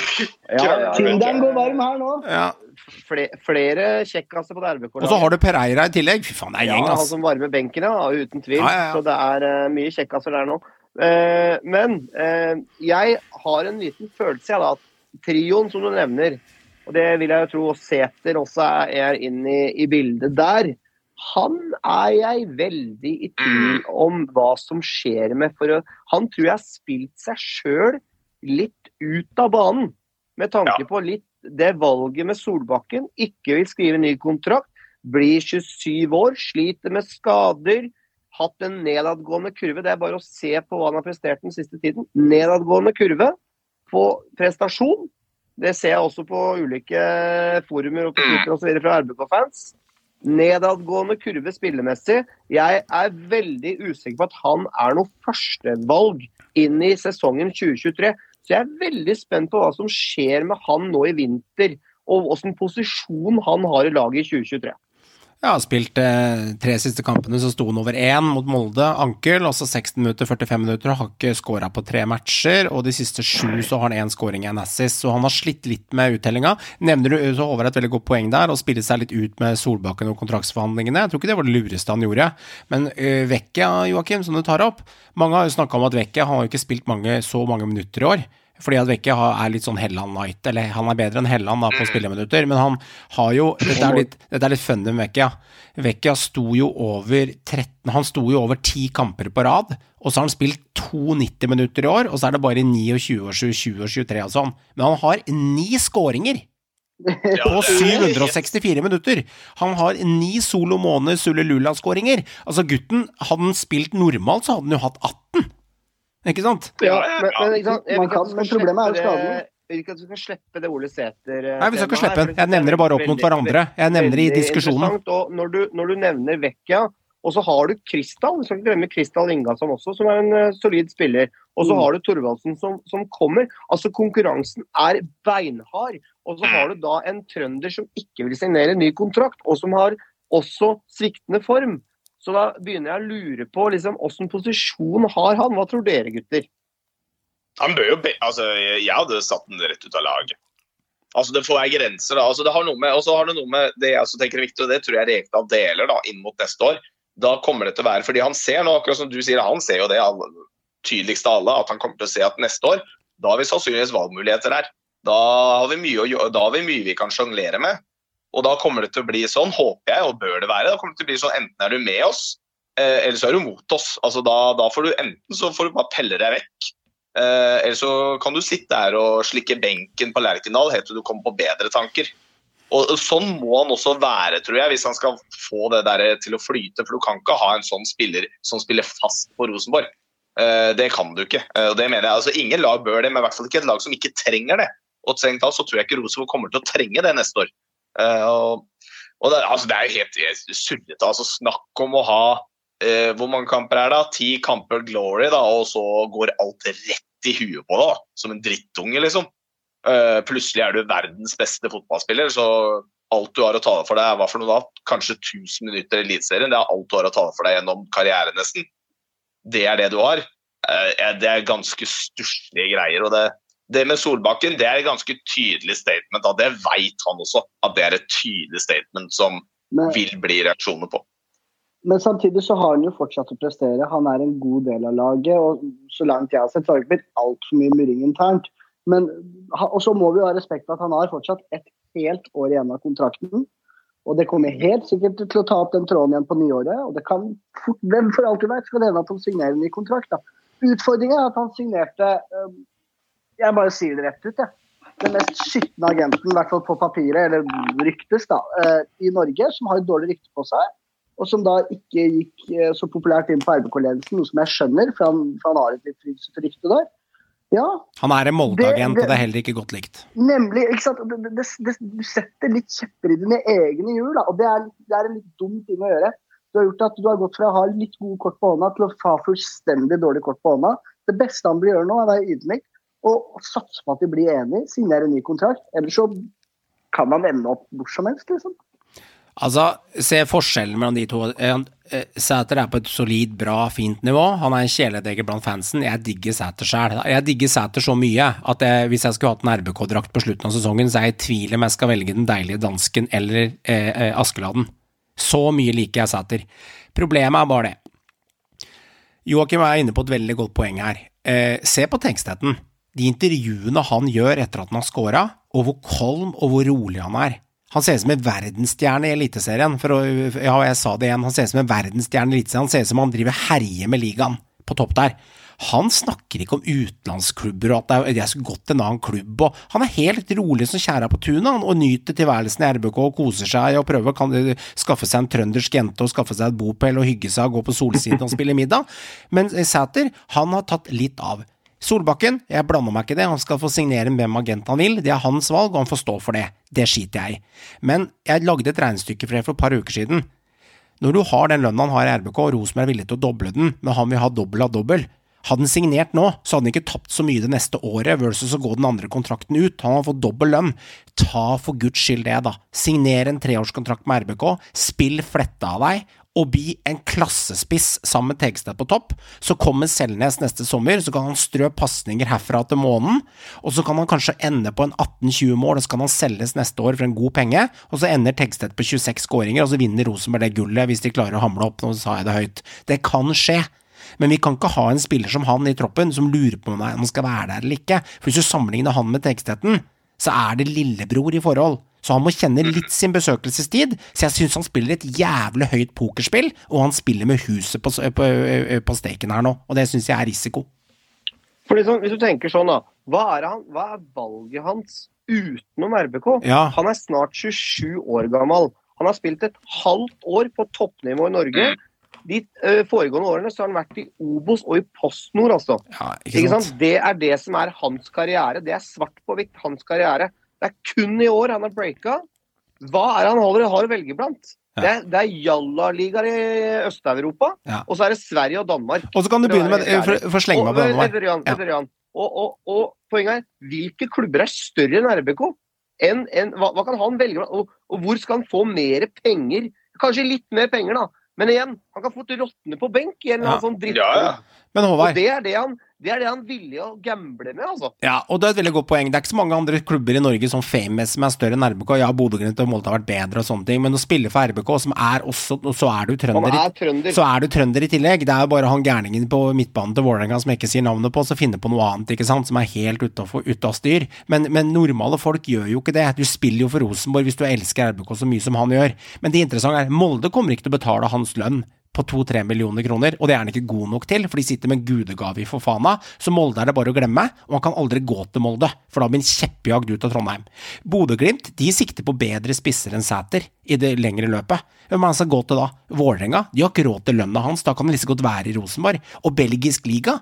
De kommer ikke til å kikke på en spiss som han, for hvis belgisk liga ser på noen spisser, så ser de på Fofana, Tegstedt, de ser på de spissene. Så poenget til Håvard står jo fjellstøtt. Det er kanskje det høyeste nivået han kan nå. Det er Sverige og Danmark. Ha, ja, han kan, nå til, han kan komme til Gøteborg, han kan kanskje spille AIK, men da må du levere litt mer enn 1000 minutter og 13 skåringer. Og, og helt ærlig, og tre minutter litt yngre halv, alderen hans. millioner Han får ikke fryktelig mye mer penger andre steder, tror jeg. Nei, Altså. Jeg tror han egentlig burde suge den karamellen og se fram til 2023 og satse på at gudegaven gudegaven Selnes kommer. Tenk deg hvor han, han, Selnes og Holse i form og Tegstetten på topp der. Han kan jo, eh, han kan jo pisse på de tallene han har nå.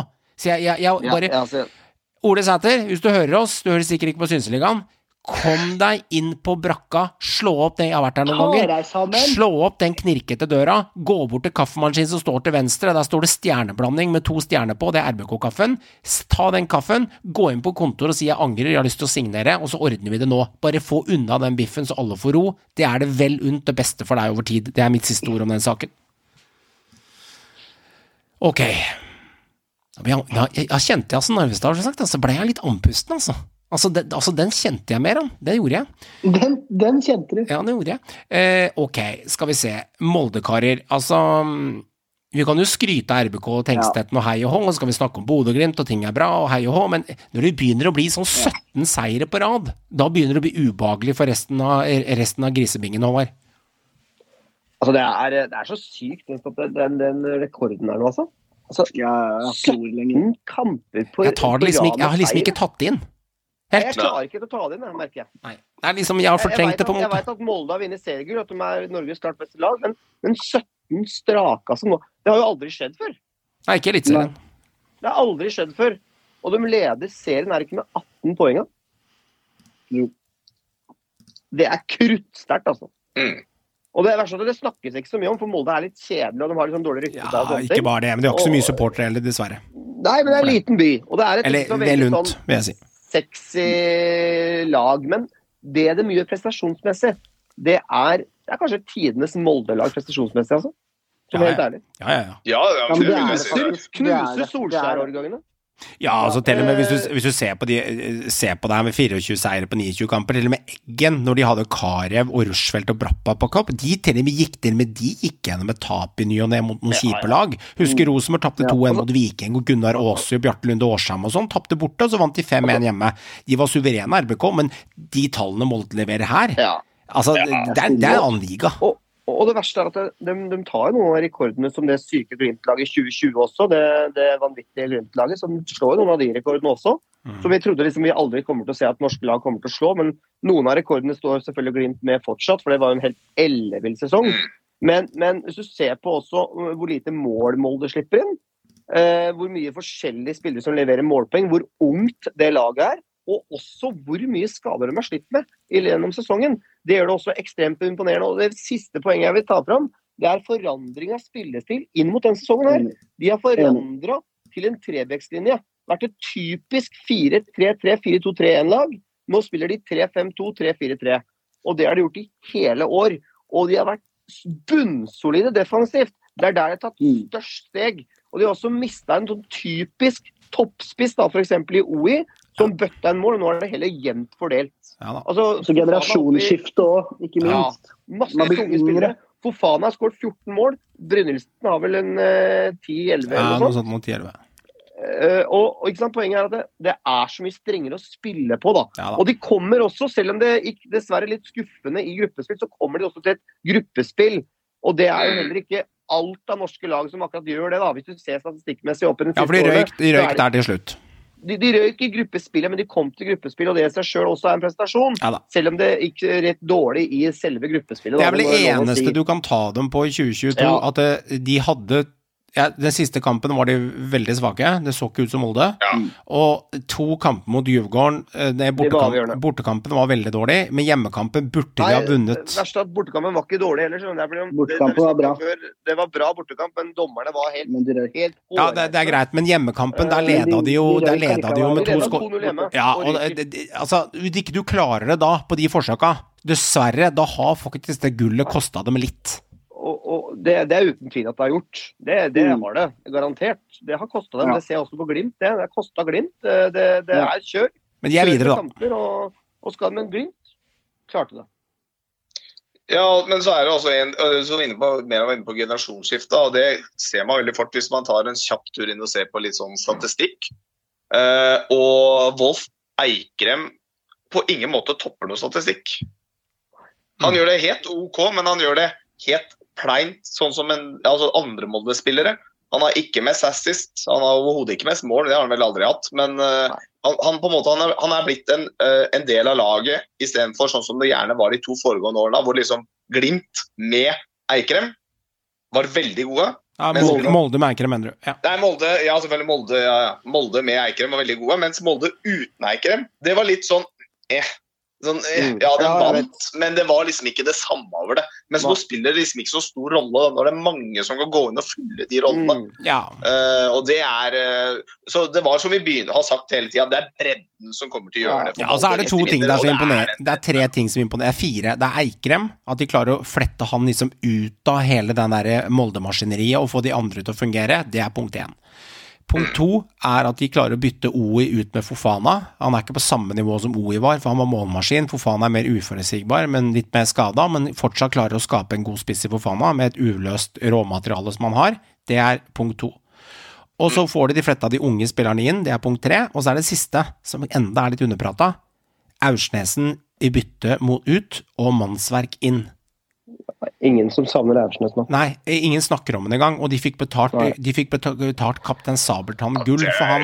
Og- og, og- og i og- og tillegg så går han inn, og så flettes han inn. Eh, det er, og, og så har du femtepunktet, som Håvard nevnte i stad. Vi kan ta det i tillegg, for å skryte litt av Molde. Jeg skal gjøre det.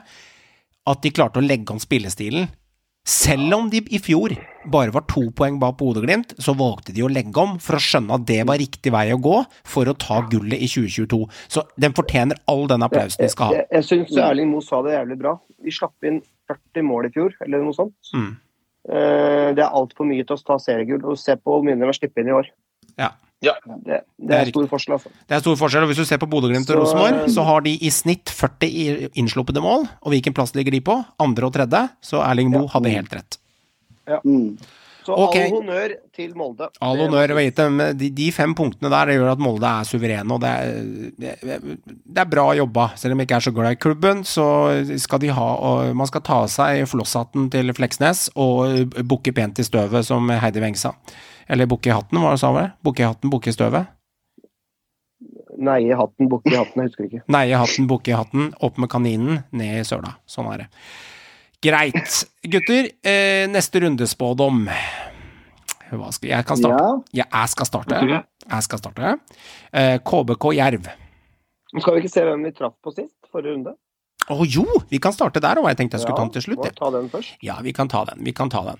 Eh, Joakim, han treffer på Glimt, det er ett poeng i bordet. Eh, seier. Eh, og så treffer Meran på uavgjort i Enga Haugesund, det er to poeng. Og så 1-1. tre- Så 1-1, ja. Den er klassisk 1-1. Og så får du ett, da får du to poeng, og så får du ett poeng for Rosenborg-seier 0-3. Ett poeng. Eh, Johan treffer på Molde-seier. Jeg tippa 7-1 til Molde, men det ble 2-1, så det er poeng på Molde. Bommer på HamKam. Og så treffer Håvard på Odd-seier 2-0. I tillegg treffer du spot on på Sarp Kristiansund 2-2, så du får tre poeng. Så vi treffer på seks av åtte kamper. Det er faktisk rekord sammen med en tidligere episode i Synsrud i år. Eh, veldig, veldig bra. Så Håvard tar med seg tre poeng, Johan tar med seg ett poeng, Meran tar med seg tre, og Joakim tar med seg Så de det står mellom nå, er Håvard har 29 pluss 3 er 32. Tallet er 32, Håvard. Meran har 30 pluss 4, det er 34. Det står mellom dere to, som kan avgjøre dette her. Joakim, du har 25, 26, 27, 28, 29, 30. Du har 30, Joakim. Så de må De kan klare det, men de må choke veldig. Jeg er ute av, jeg er ute av dansen med 24. Jeg leda jo, gutter, med 18-19 poeng eh, til sommeren. Men så har jeg gått på rett og slett, altså. Rett og slett gått på en liten brink. Litt smell. Litt langrennsbrink. Jeg har gått på en liten, liten luring der og driti meg ut på stafetten. Så det, det vel lunt, altså. Dere har vært gode. Så jeg har, jeg har ikke holdt meg, det står mellom dere tre. Men Joakim, du må henge i. Du må tippe noe galskap i siste runde. Håvard, du har ett poeng bak. Og Meran, du, du ligger og forsvarer nå med skjegget ditt i front. Og Johan starter.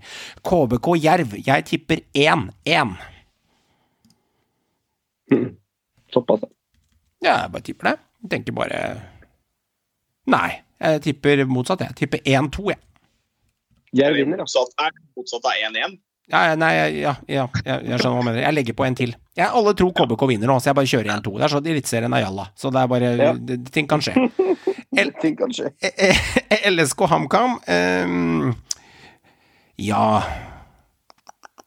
Jeg forbinder liksom Lene Olsen med HamKam og det greiene der. Kanskje vi får en liten forløsning her nå. Eh, 3-2 til Lillestrøm. Joakim, RBK Sarp. Ja. Er RBK Sarp. Um, den tror jeg Rosenborg vinner ganske greit. Uh, jeg tror Rosenborg vinner den 3-1 Ok. hjemmene. Eh, og så er det vel Sandefjord-Haugesund, da, hvis jeg har skjønt eh, hvordan strategien fungerer her, hvordan ting er lagt opp. Ja, det er lagt opp eh, etter det er, Har du skjønt at det legges opp etter eh, kamp, kampen i Fantasy? Jeg har skjønt at jeg, jeg har sett en liten rød, rød tråd. Ja, ja, Det tok 29 runder du skjønner det, men da skjønner du også, Joakim, at det er tilfeldig. Ja, ja, jeg skjønner det. det. Slapp av med den der. Jeg, jeg skal ikke sitte her og Nei, det er bare Håvard det som driver at Det folk tror alle tror at jukser og sånn. Det er Eh, aldri jeg- tilfeldig. Sandefjord, Sandefjord, Haugesund.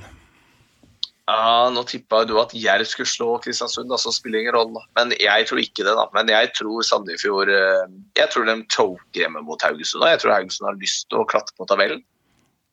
Og når de choker, så kommer de til å choke skikkelig også. Ok. Fordi i motsetning til deg, da, så mener jeg at Kristiansund kommer til å slå Jerv sikkert 4-0. Så de kommer til å lede 2-0 til pause. og den der Det spiller ingen rolle hva du tror om den kampen. Det er Sandefjord Haugesund du Eh, poeng for. Jeg tror at Haugesund slår Sandefjord, eh, at den ender 1-3, og at Sandefjord går rett ned. 1-3. Ok. Håvard, Godset-Glimt. Oi, oi, oi.